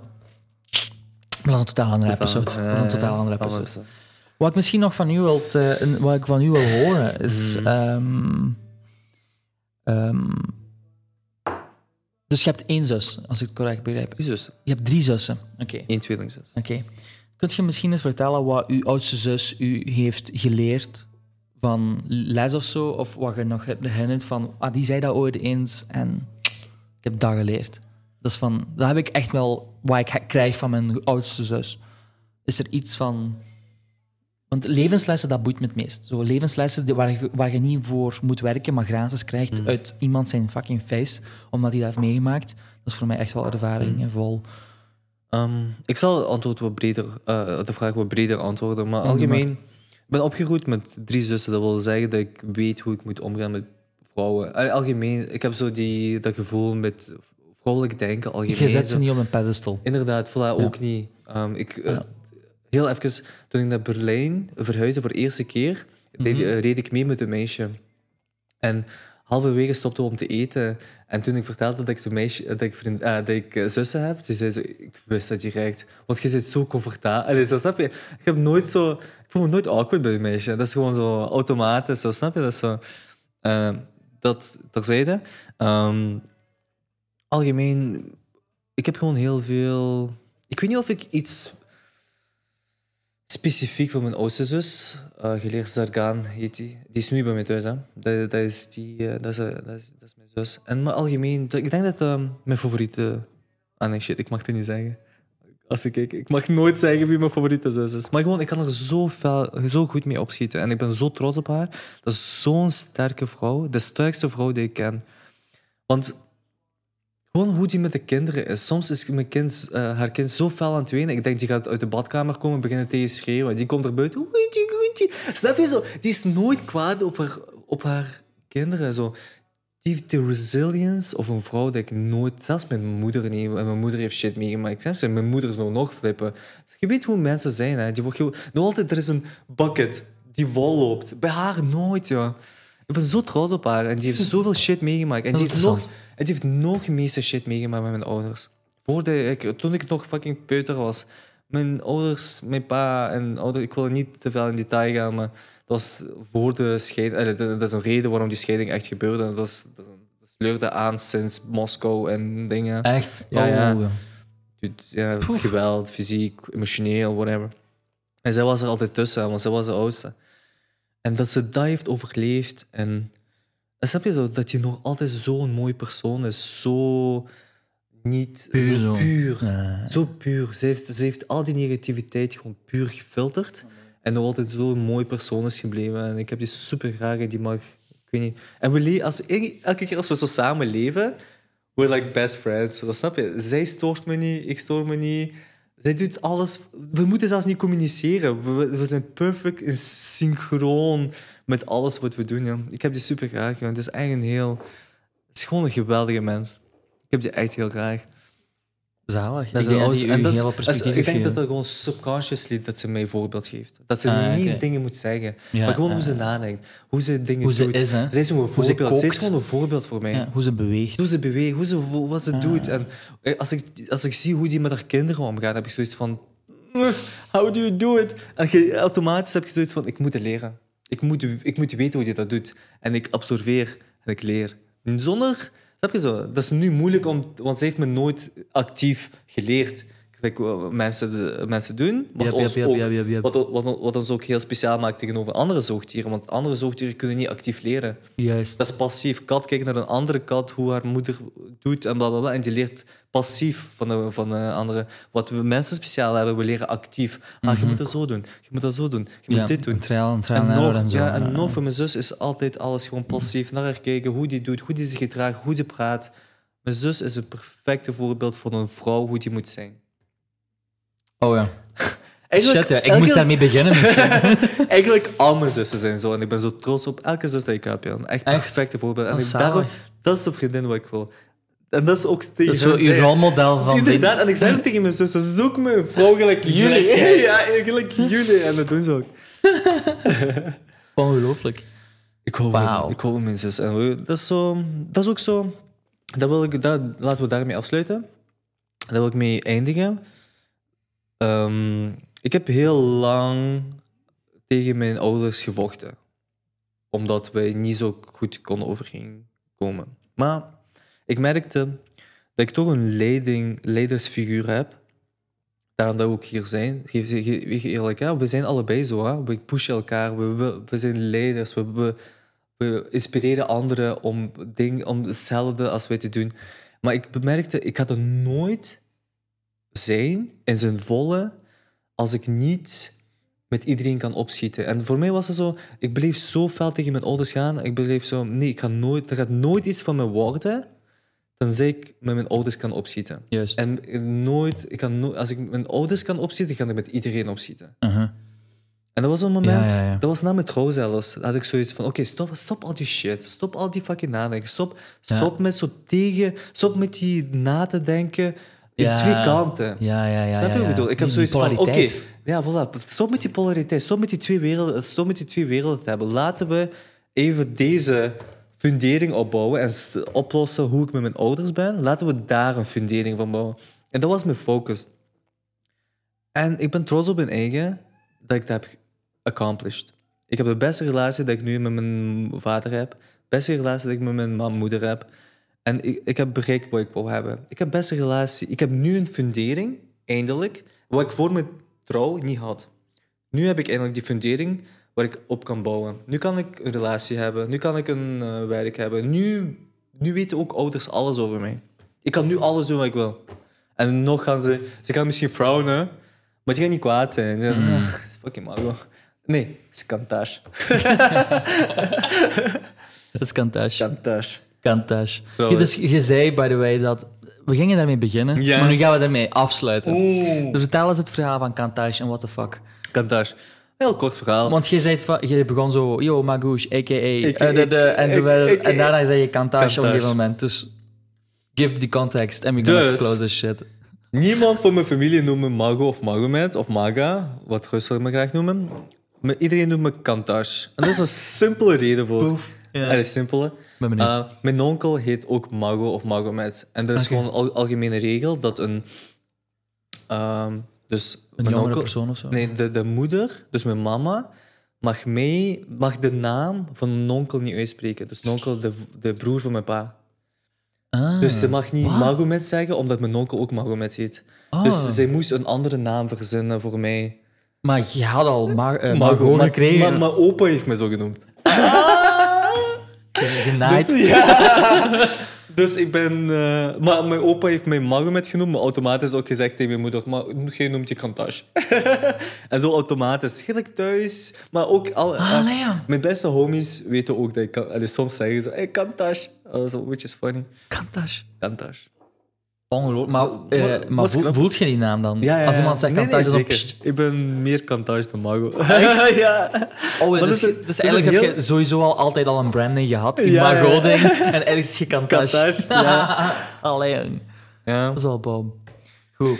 Ik zie dat de batterijen op zijn aan het lopen van deze camera. nog wel opnemen, ja? Dit is Live is Strange, episode 001. 001. Het is vandaag 14 juli 2019. We hebben toch twee uur mooi gedaan? We hebben twee uur, Iets meer zelfs. iets meer zelfs gepraat over de origin stories van Mago 26. A.k.a. Maguchi. A.k.a. Kantage. ik moet nog zo smooth geraken gelijk jij, maar dat komt wel met de tijd, denk ik. Zeker. Ik ben nog te jong. Maar je hebt het goed gedaan, ja. Ik hoop het. Zeker. Uh, we gaan volgende keer mijn origin stories bespreken. Kijk, en was echt een heel goede episode. Ja, ja. We gaan er nu eindigen door te klappen of zo. Want, allee, high five High of zo. five. Ik weet niet, sowieso. Boom. Echt zo zalig. Thanks voor het kijken. Tot volgende keer. Big love. Zie je.